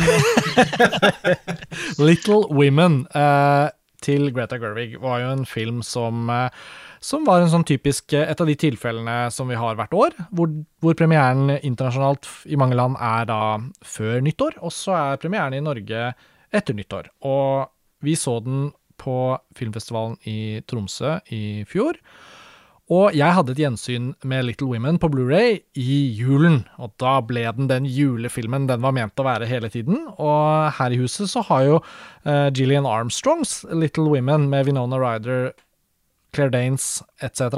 Uh, fra 1994, er det vel. Den har jo alltid hatt en sånn skikkelig sånn julefilmplass. Og nå har Greta Gerwig da skrevet seg inn i den tradisjonen her hos oss. Og ved siden av å være da en ny julefilmklassiker og en ny filmatisering av denne romanen, så må jeg jo også si at filmen har gjort seg fortjent til en høy plassering på min liste, rett og slett fordi den var glimrende da jeg så den første gangen, og andre gangen var faktisk, om ikke like bra, så kanskje til og med enda litt bedre. Og jeg må si jeg blir bare gradvis enda mer imponert over hva Greta Gerwig er i stand til som filmskaper. Hun er jo fortryllende som skuespiller òg, så det at hun ikke er med her, er jo sikkert uh, naturlig. Det var ikke helt en rolle for henne, men, men uh, Nei, hun er bare rett og slett en så herlig bidragsyter til uh, ny amerikansk film, om hun skriver eller spiller eller skriver og regisserer eller hva det er. Så Little Women var bare så fresh på en måte, og det var det som kanskje overrasket mange, at ved å ta for seg en sånn adaptasjon av et såpass kjent både litterært verk og en, altså, som har blitt gjort som film og serie flere ganger, klarte hun likevel å tilføre noe helt nytt. da. Uh, og det var i sitt grep, sin fortellerstruktur og sin fortellersensibilitet, som jeg syns gir noe til uh, det som allerede lå her fra før. Ja, altså, jeg har uh, nettopp hatt et fantastisk gjensyn med filmen. og synes jo Greta Gerwig er noe av det beste som fins, på en måte. Jeg har også nylig sett opp igjen både Frances Ha eh, og Mistress America og Lady Byrne. Eh, så eh, det var eh, med autørfokus jeg entret gjensynet med Little Women. Jeg var helt satt ut, så grepet jeg var av filmen eh, da vi så den i Tromsø for eh, et års tid siden. jeg var sånn rørt på liksom mange nivåer over at hun på, altså, er en så dyktig filmskaper allerede i sin andre spillefilm. Rent sånn filmspråklig. Eh, eh av Saoirse Ronan, som eh, til tross for sin unge alder på en måte allerede er i ferd med å bli en av de, de fremste skuespillerne i de siste 50 årene, eller noe sånt nå. Hun er jo bare en sensasjon. Og filmens eh, Eh, måten den var fortalt på, og, og hva den Altså det, sånn hjertet den, den, bærer på, ble jeg naturligvis også veldig bevega, i likhet med mange andre. da. Men jeg har også i etterkant tenkt at jeg kanskje har kommet i skade for å overvurdere filmen, fordi at jeg reagerte så emosjonelt på den. Uh, men uh, det var da ikke tilfellet. For jeg var like til stede i, i hver eneste scene da jeg så den på nytt i går. Og det er, altså, Gervig toner jo ned den litt sånn konvensjonelle romantikken som man husker fra Gillian Armstrongs eh, 90-tallsadaptasjon, mm. og lar de fire søstrenes samvær stå veldig i sentrum av fortellingen. Og det å sakse opp historien i bruddstykker og på den måten eh, skape en helt ny fortelling, det syns jeg er eh, aldri så liten genistrek. Og det grepet syns jeg gjør at hver og en eh, situasjon får større betydning enn liksom historiens ATÅ. Eh, det er snarere det å følge den søskenflokken og hvordan eh, søstrene utvikler seg som mennesker og svinger mellom barndom og voksenliv. og det minner meg egentlig veldig mye om Astrid Lindgren sine historier, og mm. filmatiseringen av dem. Altså, det er en slags Uh, ung voksenutgave av Alle vi barn i, i Bullebyen. Uh, minner selvfølgelig også en, ganske mye om uh, Koredas søstre. En film vi gang på gang løfter fram på, på Filmfrelst. Det er noe med den det, Altså, å se fortellinger der hvor mennesker er gode med hverandre, er det er litt sånn uslåelig rørende for meg hver gang. Fordi vi ser så mange eh, filmer med liksom, tydelige antagonister og det, det, Hvor mennesker er liksom fryktelige med hverandre. Og når alt kommer til alt, så er jo ikke egentlig det eh, så Ligger jo sjelden det så tett på ens egne livserfaringer. Tvert imot så, så er jo noe av det fineste med, med livet at det er så mange at det er så mange mennesker som, eh, som, som, har så mye bra i seg, og som gir det til deg. Og en veldig sentimental måte å oppsummere den filmen på, kjenner jeg. Men... jeg, jeg kjenner jo at dette her nå er i ferd med å egentlig bare bli en slags uh, gjentagelse av podkasten Vi tre tror jeg, så vidt jeg husker, spilte inn for nøyaktig ett år siden. Hvor jeg sitter og kjenner at ok, men dette kan jeg ikke si, for da blir jeg hun sure dama i Som ikke syntes at Little Women var så bra, og som syntes at den var litt frinetisk og hysterisk ja, og litt vel, velment. Men jeg skal ikke gjenta det. Jeg kan jo heller uh, sende de av lytterne som ikke har hørt den podkasten, til uh, den podkasten og si at vi har diskutert dette også en gang før. Vi er ikke helt enige. Jeg husker det også, Roskva. Det er episode 373. Jeg fant de frem her, de forskjellige episodene hvor vi har snakket om filmer tidligere, som også kommer opp i denne episoden. Så du har helt rett, og, og jeg husker jo at det var en ganske sånn varmhjertet, dog litt uenig prat vi hadde der. Eh, mm. Og Lars Ole og jeg er jo på en måte kjedelig enige om akkurat dette perspektivet. Jeg føler nesten det er helt eksakt eh, speilbilde av hverandres reaksjoner som, uh, som inntreffer her. Men eh, ja, sånn er det noen ganger. Tor Joakim, du kan jo si litt om den 54.-plassen din, eller hva det var? Nei, ja, 51. Altså, det, det, det, er ikke så viktig. Men jeg, først vil jeg gjerne gi en shout-out til Det var litt morsomt at det var For jeg nevnte jo Gillian Armstrong i stad, med Oscar og Lucinda. Mm. Eh, og nå uh, kommer da den uh, eh, 90-tallsfilmen som jeg liker veldig godt. Eh, ikke minst pga. den nydelige musikken til Thomas Newman. Thomas Newmans musikk til Oscar og Lucinda er for øvrig en av de aller, aller, aller, aller tre beste han har gjort noensinne. Så Newman og Armstrong har et fantastisk samarbeid. Når det gjelder denne nye filmen, så prøver jeg så godt jeg kan å huske Det er blitt et sånt gjennomgangstema nå at det er filmer du har sett for lenge siden, har en drømmeaktig kvalitet.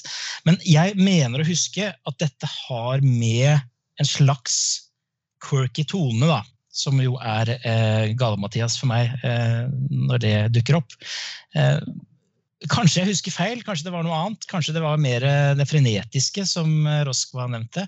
Men det var noe der som biologisk eh, skurret i mitt kropp og sjel. Jeg kan ikke helt huske detaljene rundt det. det kan hende dette preger andre Gerwig-filmer også. Nå, men så er jeg så glad i Lady Bird, da, så jeg skjønner ikke logikken i det. Ja, men jeg er også det. Jeg, er også det. jeg tror faktisk her er vi her stiller vi litt likt, Tor Joakim. fordi Jeg er også veldig glad i Lady Bird, men ikke så glad i det andre eh, Greta Gervig har gjort. Altså både når hun spiller og Altså ja, først og fremst spiller, da, men også er manusforfatter. Ja, og så eh, har, har jeg også problemer med Baumbach, så det kanskje har noe med det å gjøre òg. Mm. Det er ja. samme gate.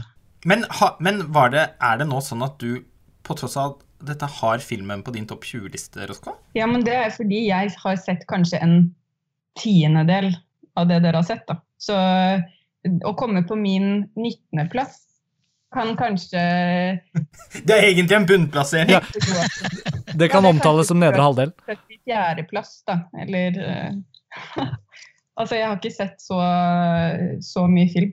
Og det er rett og slett derfor. Men det er klart at jeg skal jo synes det er noen kvaliteter ved filmene for at de havner på min topp 20. Og jeg, det er jo åpenbare kvaliteter ved eh, Ladybird, holdt jeg på å si, ved Little Women, som dere snakker om. Altså fortellerteknisk, skuespillet, Altså, jeg er helt enig i alt dere løfter fram. Jeg tror det bare rett og slett er den emosjonelle kjernen i filmen som ikke treffer meg på den samme måten eh, som den gjør hos dere.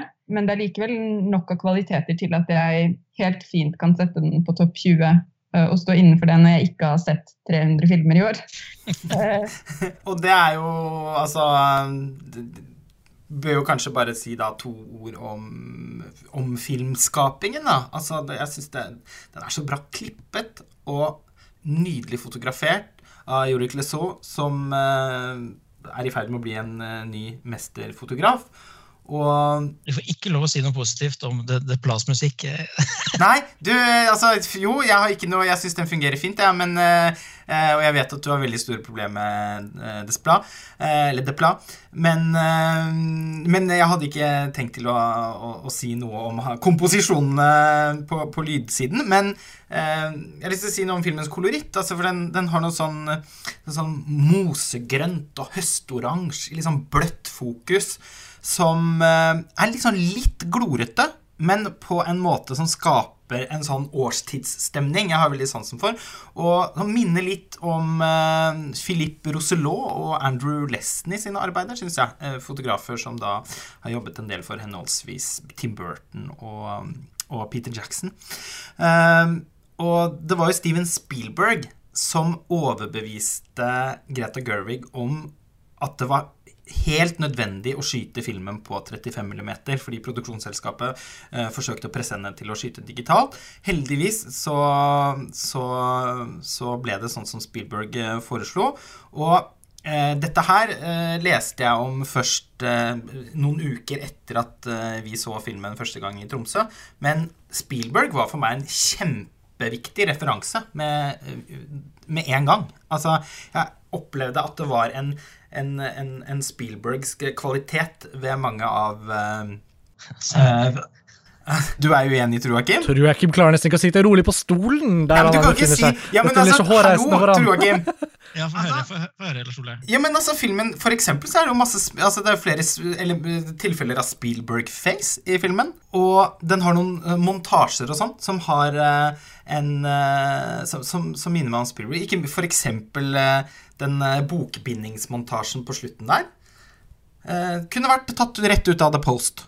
Det er sant. Og, det, er så, og klippingen og sånn, ikke, ikke uspilbergsk, vil jeg påstå. Men tonen Ja da, men det handler om noe annet. altså Noe sier meg at vi fort kan bli sittende og diskutere Little Women eh, i en sånn evig sirkel, og det er jo litt spennende at vi kanskje har vårt første film for denne episoden som splitter panelet litt. Um, men jeg tenker likevel at vi skal bevege oss elegant videre fra denne til neste film. Hvis ikke dere er veldig uenige, så kan vi ta et skritt over i Tor Joakims liste igjen, uh, hans sjetteplass. Og da får vi jo noe litt annet på bordet. Ja, de får jo som regel det på mine litt sånne rare lister. Men eh, um, ja, det er eh, sjetteplassen allerede. Der er det jo um, The Hunt for meg, da. Regissert av Craig Zobel. Som jeg også har skrevet en eh, omtale om på montasje. Hvor jeg føler at jeg har fått sagt det jeg vil si om den. Det er en film som man kan snakke mye om om eh, bakgrunnen og omstendighetene rundt distribusjon her, som er vanskelig både pga. Trump-uttalelser og korona og det med det andre. Jeg skal ikke gå inn i hele det nå. Men først og fremst så er det en av de beste politiske satirene som jeg har sett på flere år. Som da har et sånt litt sånn premiss som kan minne om eh, Battle Royale eller eh, Hunger Games eller eh, The Most Dangerous Game, den gamle filmen, hvor da ekstremt venstreradikale kidnapper eh, Trump-aktige eh, høyreradikale og setter dem ut i et område hvor de da skal jakte på dem, skyte dem og drepe dem. Eh, så det høres jo litt sånn splatter og, og, eh, og eh, gjengs ut, egentlig. Men, men, og det er det jo på ett vis, men, men den har jo så mye, mye, mye mer under eh, i subteksten her. Både gjennom det folk sier, og det som skjer.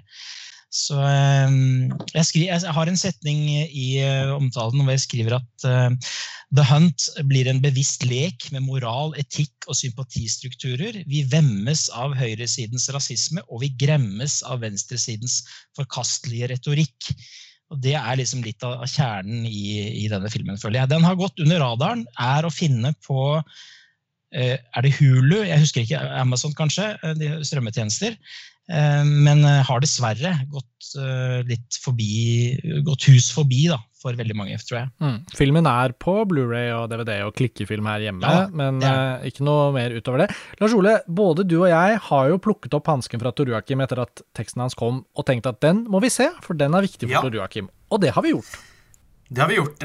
Og, og jeg var veldig begeistret for teksten din, Tor Joakim, eh, og ble derfor veldig nysgjerrig på filmen.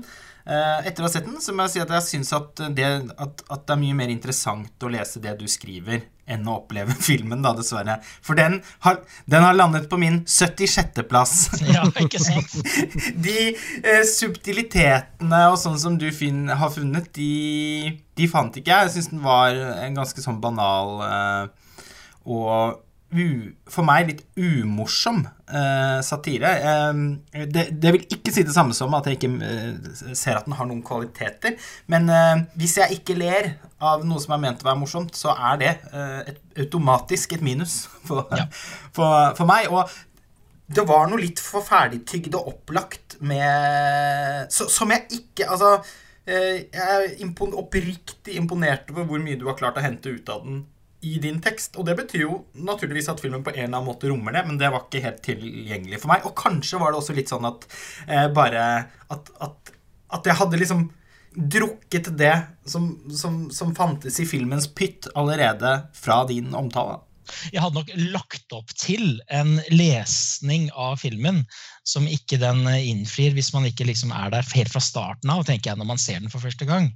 Så det, det er jeg innforstått med. Altså jeg, har noe, jeg, jeg, jeg har ikke noe problemer med å forstå at dette her er sånn, sånn veldig eh, polariserende film. Altså. Jeg har ikke det. Så det er helt, det er helt, helt i orden, eh, Lars Ole.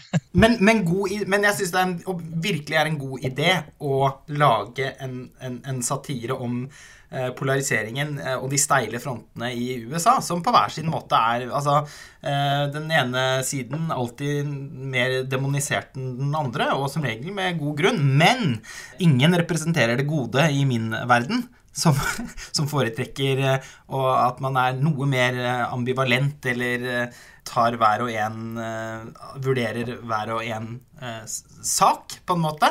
Og ikke Jeg har aldri vært noen sånn spesielt ideologisk person. Så i så måte så syns jeg det er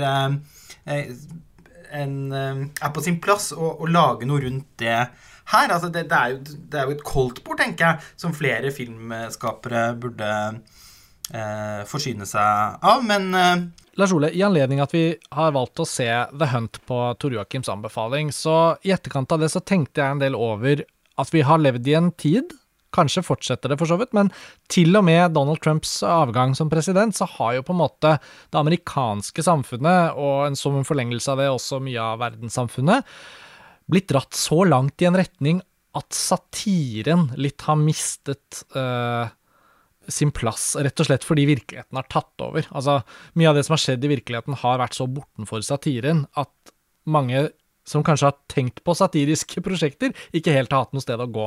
Um, Nei, så Man blir jo nødvendigvis litt nummen når virkeligheten er som en Simpsons-episode. Ja, og det ble illustrert veldig godt på av en sånn eh, En av få vellykkede komikere som kom gjennom i, i den Trump-baserte offentligheten, var en eh, komiker på Twitter som heter Sarah Cooper, som, som etter mange sannsynligvis forskjellige typer komikeres forsøk på å satirisere over Trump, så lyktes hun best. Og det hun gjorde, var å bare lage liksom sin egen video med lyden av Trump, og så bare mimet hun. Eh, Det var på en måte bare eksakte Trump-uttalelser, men hun mimet over. Og, og det var det. Og det ble utrolig populært, og hun har fått sin egen Netflix-special og alt. Ingenting er dog morsommere enn at han Giuliani står eh, foran den garasjen og, Ja. og holder pressekonferanse på The Four Seasons. Ja. Da, da, da følte jeg Det er på linje med den scenen da Trump kommer ned rulletrappen i, egen, i sitt eget Trump Tower, som tidligere har eh, blitt eh, iscenesatt i en The Simpsons-episode. men grunnen til at jeg nevnte dette, var vel egentlig bare for å trekke inn at eh, de få satirene som fins, kan jo ofte være litt sånn ekstra interessant i en tid hvor det virker som satiren Det står litt dårlig til med satiren, da. Og jeg har bare lyst til å kort nevne at eh, det også kom en film i fjor høst rett på klikkefilm, får vi si, som heter Spree. Som ikke er på min liste, Ja. og kanskje heller ikke på din liste, Lars Ole, men jeg vet at vi begge har sett den. Eh, Og det var ganske litt sånn fascinerende. og Jeg følte liksom at uten å være en listefilm, så fikk jeg bare lyst til å nevne den når, når, når vi skulle innom The Hunt.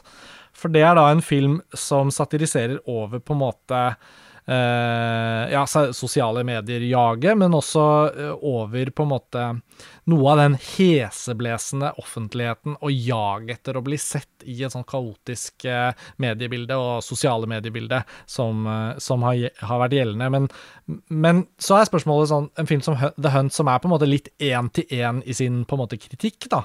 Det er jo noe med at de venstreorienterte og de høyreorienterte, og det at man slipper seg løs i en skog i Kroatia og dreper på hverandre. Altså, det var noe sånn veldig sånn Det var det det var.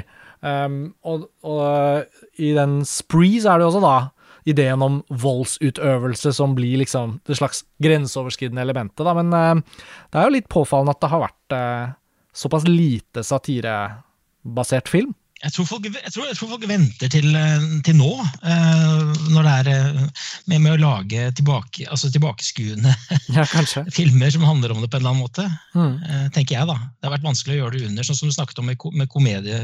Komikk er vanskelig å gjøre det mens det skjer, for det er så crazy. Jeg tenker at Denne Spree som du nevner, da, Karsten, den er en ganske slitsom film som Ideen er på en måte litt sånn oppbrukt etter halvgått løp, men selv om den ikke er for enhver smak, så tenker jeg den varmt kan anbefales til de som kanskje har hatt en litt sånn interesse for filmer som eh, tar opp i seg eh, sosiale medier. Mm. Både i på en måte filmens grensesnitt, holdt jeg på å si, og eh, rent tematisk, da. Man har filmer som 'Searching' og 'Unfriended' og 'Eighth Grade'. Jeg har jo en film på lista mi som, som kom på tolvteplass, som også tematiserer dette, nemlig eh, Salah Samoboikov, 'Hater' av Komasa, som også er litt i samme, samme gate. Tematiserer uh, mer trollvirksomhet da, i, i, sosiale medier og sånn. Ja, spennende. Den uh, noterer jeg. For, for, jeg er da blant de som, som syns alltid at det er litt spennende med Eh, med filmer som på en eller annen måte diskuterer og tar opp i seg de sosiale medier. Jeg syns også det var spennende, og jeg liker den der grensesnitt-gjengivelsesestetikken.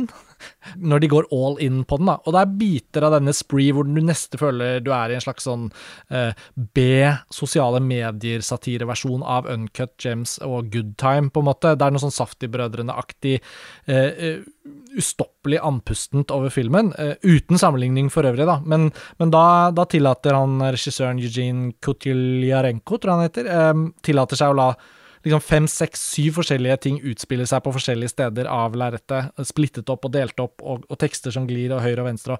Og, da tenkte jeg sånn, ok, nå er den oppe i tempo, liksom.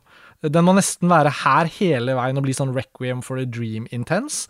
Eller så må den gjøre noe annet, og den fant ikke helt ut av det, da. Men bare, det var ikke det at det var en listefilm, altså, men jeg ville bare trekke den inn når vi var inne på um, satireelementet rundt The Hunt. Ja. ja. Men vi kan bevege oss videre.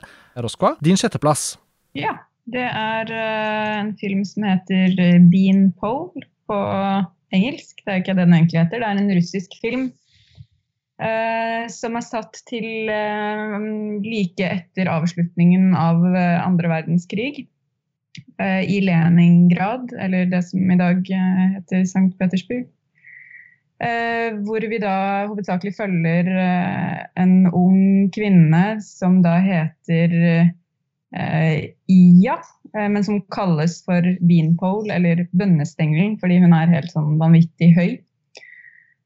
Og hun har noe sånn posttraumatisk stressyndrom-lignende symptomer eh, etter krigen, hvor hun eh, i veldig stressende situasjoner, eh, men for så vidt hverdagslige situasjoner, men hvor hun blir litt agitert, går inn i en sånn frystilstand. Hvor hun ikke klarer å bevege seg eller kommunisere, eller, og det er ikke mulig å kommunisere med henne heller. Hun jobber på et sykehus Eh, et militærsykehus på sett og vis, eller altså et sykehus i hvert fall hvor det er eh, sårede fra krigen som kommer inn, eh, og gjerne er en stund og skal rehabiliteres for alvorlige krigsskader. Og ganske tidlig i filmen så ser vi denne bønnestengelen sammen med det som vi antar at er hennes sønn, fem år gammel gutt, som hun har et veldig nært forhold til. Og hvor de på et tidspunkt lekeslåss, og hun går inn i en sånn type frystilstand og gutten ligger under henne uh, og dør da, fordi hun rett og slett blacker ut og, og kveler ham uten vilje. Og så viser det seg veldig raskt at det ikke er hennes sønn, men sønnen til en nær venninne av henne som reiste ut i krigen. Litt uklart om hun faktisk har vært soldat eller om hun har vært en prostituert. Hun forteller litt ulike historier, og det er også uvisst for tilskueren hva som er den sanne historien. Eh, men i hvert fall hvor denne venninnen kommer tilbake fordi krigen da er over, og, og, vil møte sønnen sin igjen, som hun da har gitt bort til venninna idet han ble født, nærmest. Så hun har ikke noe forhold til han. Uh, hvor vennestengelen da må fortelle at uh, han ikke lever lenger. Uh, en utrolig fæl film. som kanskje først og fremst for meg i hvert fall handler om hvordan så umenneskelige forhold som disse eh, unge kvinnene, da, eh, men også befolkningen generelt lever under, gjør at man mister en del av de grensene og eh, ja, reglene, men også kanskje impulsive oppfatningene av hva man kan gjøre og ikke gjøre mot et annet menneske, de viskes ut. Da. Og det bl.a. oppstår en ganske sånn grov manipulasjonsrelasjon Eh, mellom disse to venninnene, fordi bønnestengelen nå skiller bestevenninna si sønnens liv. Eh, og, og, filmen demoniserer ingen, men bare viser hvordan så, en så hard tilværelse skaper veldig harde mennesker. Eh, jeg syns at det var en god film, og den er også visuelt eh, eh, veldig fin å se på. Altså sånn, jeg vet ikke hva det heter, men de har skrudd opp på en måte Eh, det er akkurat som de har gjort det ganske enkelt. Nærmest skrudd opp fargekontrasten. altså sånn, Huden ser ganske rødlig ut, men grønne og rødtoner er veldig sterke.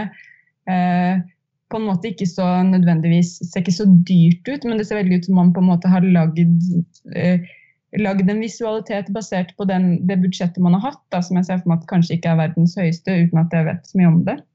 Men jeg syns det funker i filmen, og jeg syns også at eh, scenografien er eh, veldig, veldig fin. Eh, med sånn typisk sånn nedslitt, gamle, store russiske leiligheter som egentlig er fantastisk vakre, men som ikke har kunnet blitt vedlikeholdt. Eh, så det er en sånn blanding av eh, noe utrolig sånn staselig og, og, noe helt sånn forfallent. Eh, som ja, speiler både tematikken og og tiden utspiller seg i veldig godt. Så ja, nei, den gjorde inntrykk på meg. Det er en film jeg lenge har vært veldig nysgjerrig på, og som jeg dessverre ikke rakk å se før dette opptaket, men som jeg akter å se før uh, vi publiserer listene på montasje. Hvorfor har man sett denne, da? Det er vel Filmen er i digital distribusjon hos både Mubi, tror jeg, og Drakenfilm, denne svenske strømmetjenesten som også oh, ja. Så jeg så den på Mubi, i hvert fall. Ja.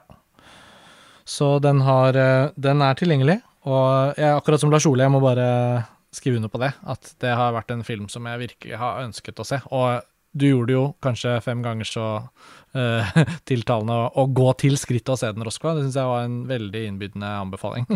Uh, selv om den høres grusom ut. Det er vi jo dessverre litt sånn vant med når det kommer til sånn russisk og sånn ukrainsk festivalfilm og sånn. Da er det gjerne noe uhyggelig som venter, men kanskje ofte et veldig bra filmverk, da men likevel innbydende, som nesten som om den uh, var lagt på en asjett på et koldtbord. Ja, eller kanskje først og fremst uh, jeg, jeg, føler at dette er en film som kanskje først og fremst er konservert i uh, aspik. I aspik, ja! Du, det, var, det, var, det, det, var, akkurat den samme assosiasjonen jeg fikk. Jeg hadde tenkt å si det, faktisk. og så slet jeg litt med å komme på hva man kaller det. Noe fiskekabaret, eller ja. Jeg, jeg, tenkte litt på den uh, filmen som er sånn uh, satt, uh, satt i en anstalt hvor han, Den døve filmen, hva het den? Hvor han kaster ja, Stammen. Hva het den? Stammen, ja. Ja, Den har jeg ikke sett, men jeg husker jeg så traileren til den. og det, ja. Mm. Den må du se, Roskva. Den er bare Å, den er så bra! Og så fæl! Den er faktisk utgitt på DVD i Norge. Så, så fæl er den filmen at han Miroslav Slabospitski, som lagde den, vel fortsatt ikke har klart å lage noe annet. Morsomt at du nevner det, Lars Ole. Dette er et uh, Nasrallah-øyeblikk. Uh, bare for noen dager siden så leste jeg at han faktisk er en av de som nå har en ferdig film klar når festivallandskapet i verden åpner igjen. Underforstått kanskje da kan Venezia til sommeren. Så det kommer mer Slabospitski-film. Og det er sikkert like grusomt. Jeg er usikker på om vi på noe tidspunkt har uh, fortalt lytterne våre hva som ligger bak begrepet et Nasrallah-øyeblikk. Uh, hvis det blir tid helt mot slutten av denne episoden, så skal, tenker jeg at vi skal dele ja. det. Vi planter det som en liten eh, begrepsforklaring uh, som kommer. Jeg vil også, før vi går videre, bare kort nevne at det også er noen veldig gode rolleprestasjoner i denne bønnestengelfilmen. Eh, både av hovedpersonen, eh, men også av eh, den skuespilleren som spiller hennes nærmeste venninne. Jeg kan godt prøve meg på å uttale navnene deres, ellers kan jeg la være. Jeg syns du skal prøve. Tradisjonen er at vi prøver. Viktoria Mirosjnitsjenko og Vasilisa Perligina. Syns du klarte det veldig bra, ja. Og da kan vi også prøve oss på regissøren. Dette er da hans andre spillefilm, så vidt jeg har forstått. Eh, og han heter Kantemir Balagov. Vi noterer oss navnet, og filmen er da som sagt tilgjengelig for publikum. På Mubi eller på Drakenfilm. Og en av disse er altså like høy som Elisabeth Debicki i Tennet, eller høyere? Nei, hun er ikke det. fordi Jeg måtte jo selvfølgelig google dette òg. Fordi hun rager virkelig altså Ikke bare et hode over alle andre i filmen, men vi snakker liksom, hun er en halv kropp høyere enn samtlige menn i filmen. Men jeg tror det kanskje kan dreie seg om at russere ikke er så høye. For ifølge internettet så er hun bare 1,80. Oh, det er jo ingenting målt opp mot Debikis 1,92. Nei, det er jo faktisk Ja, det er jo høyt, men det er like høyt som meg, da. En centimeter høyere. Men, så jeg tror det må skyldes at alle de andre i filmen er en del lavere enn det gjennomsnittsnordmannen er, da og derfor framstår hun som veldig høy. Og med det så skal vi faktisk avslutte denne episoden, for vi er nå bare på del én av vår gjennomgang av filmåret 2020.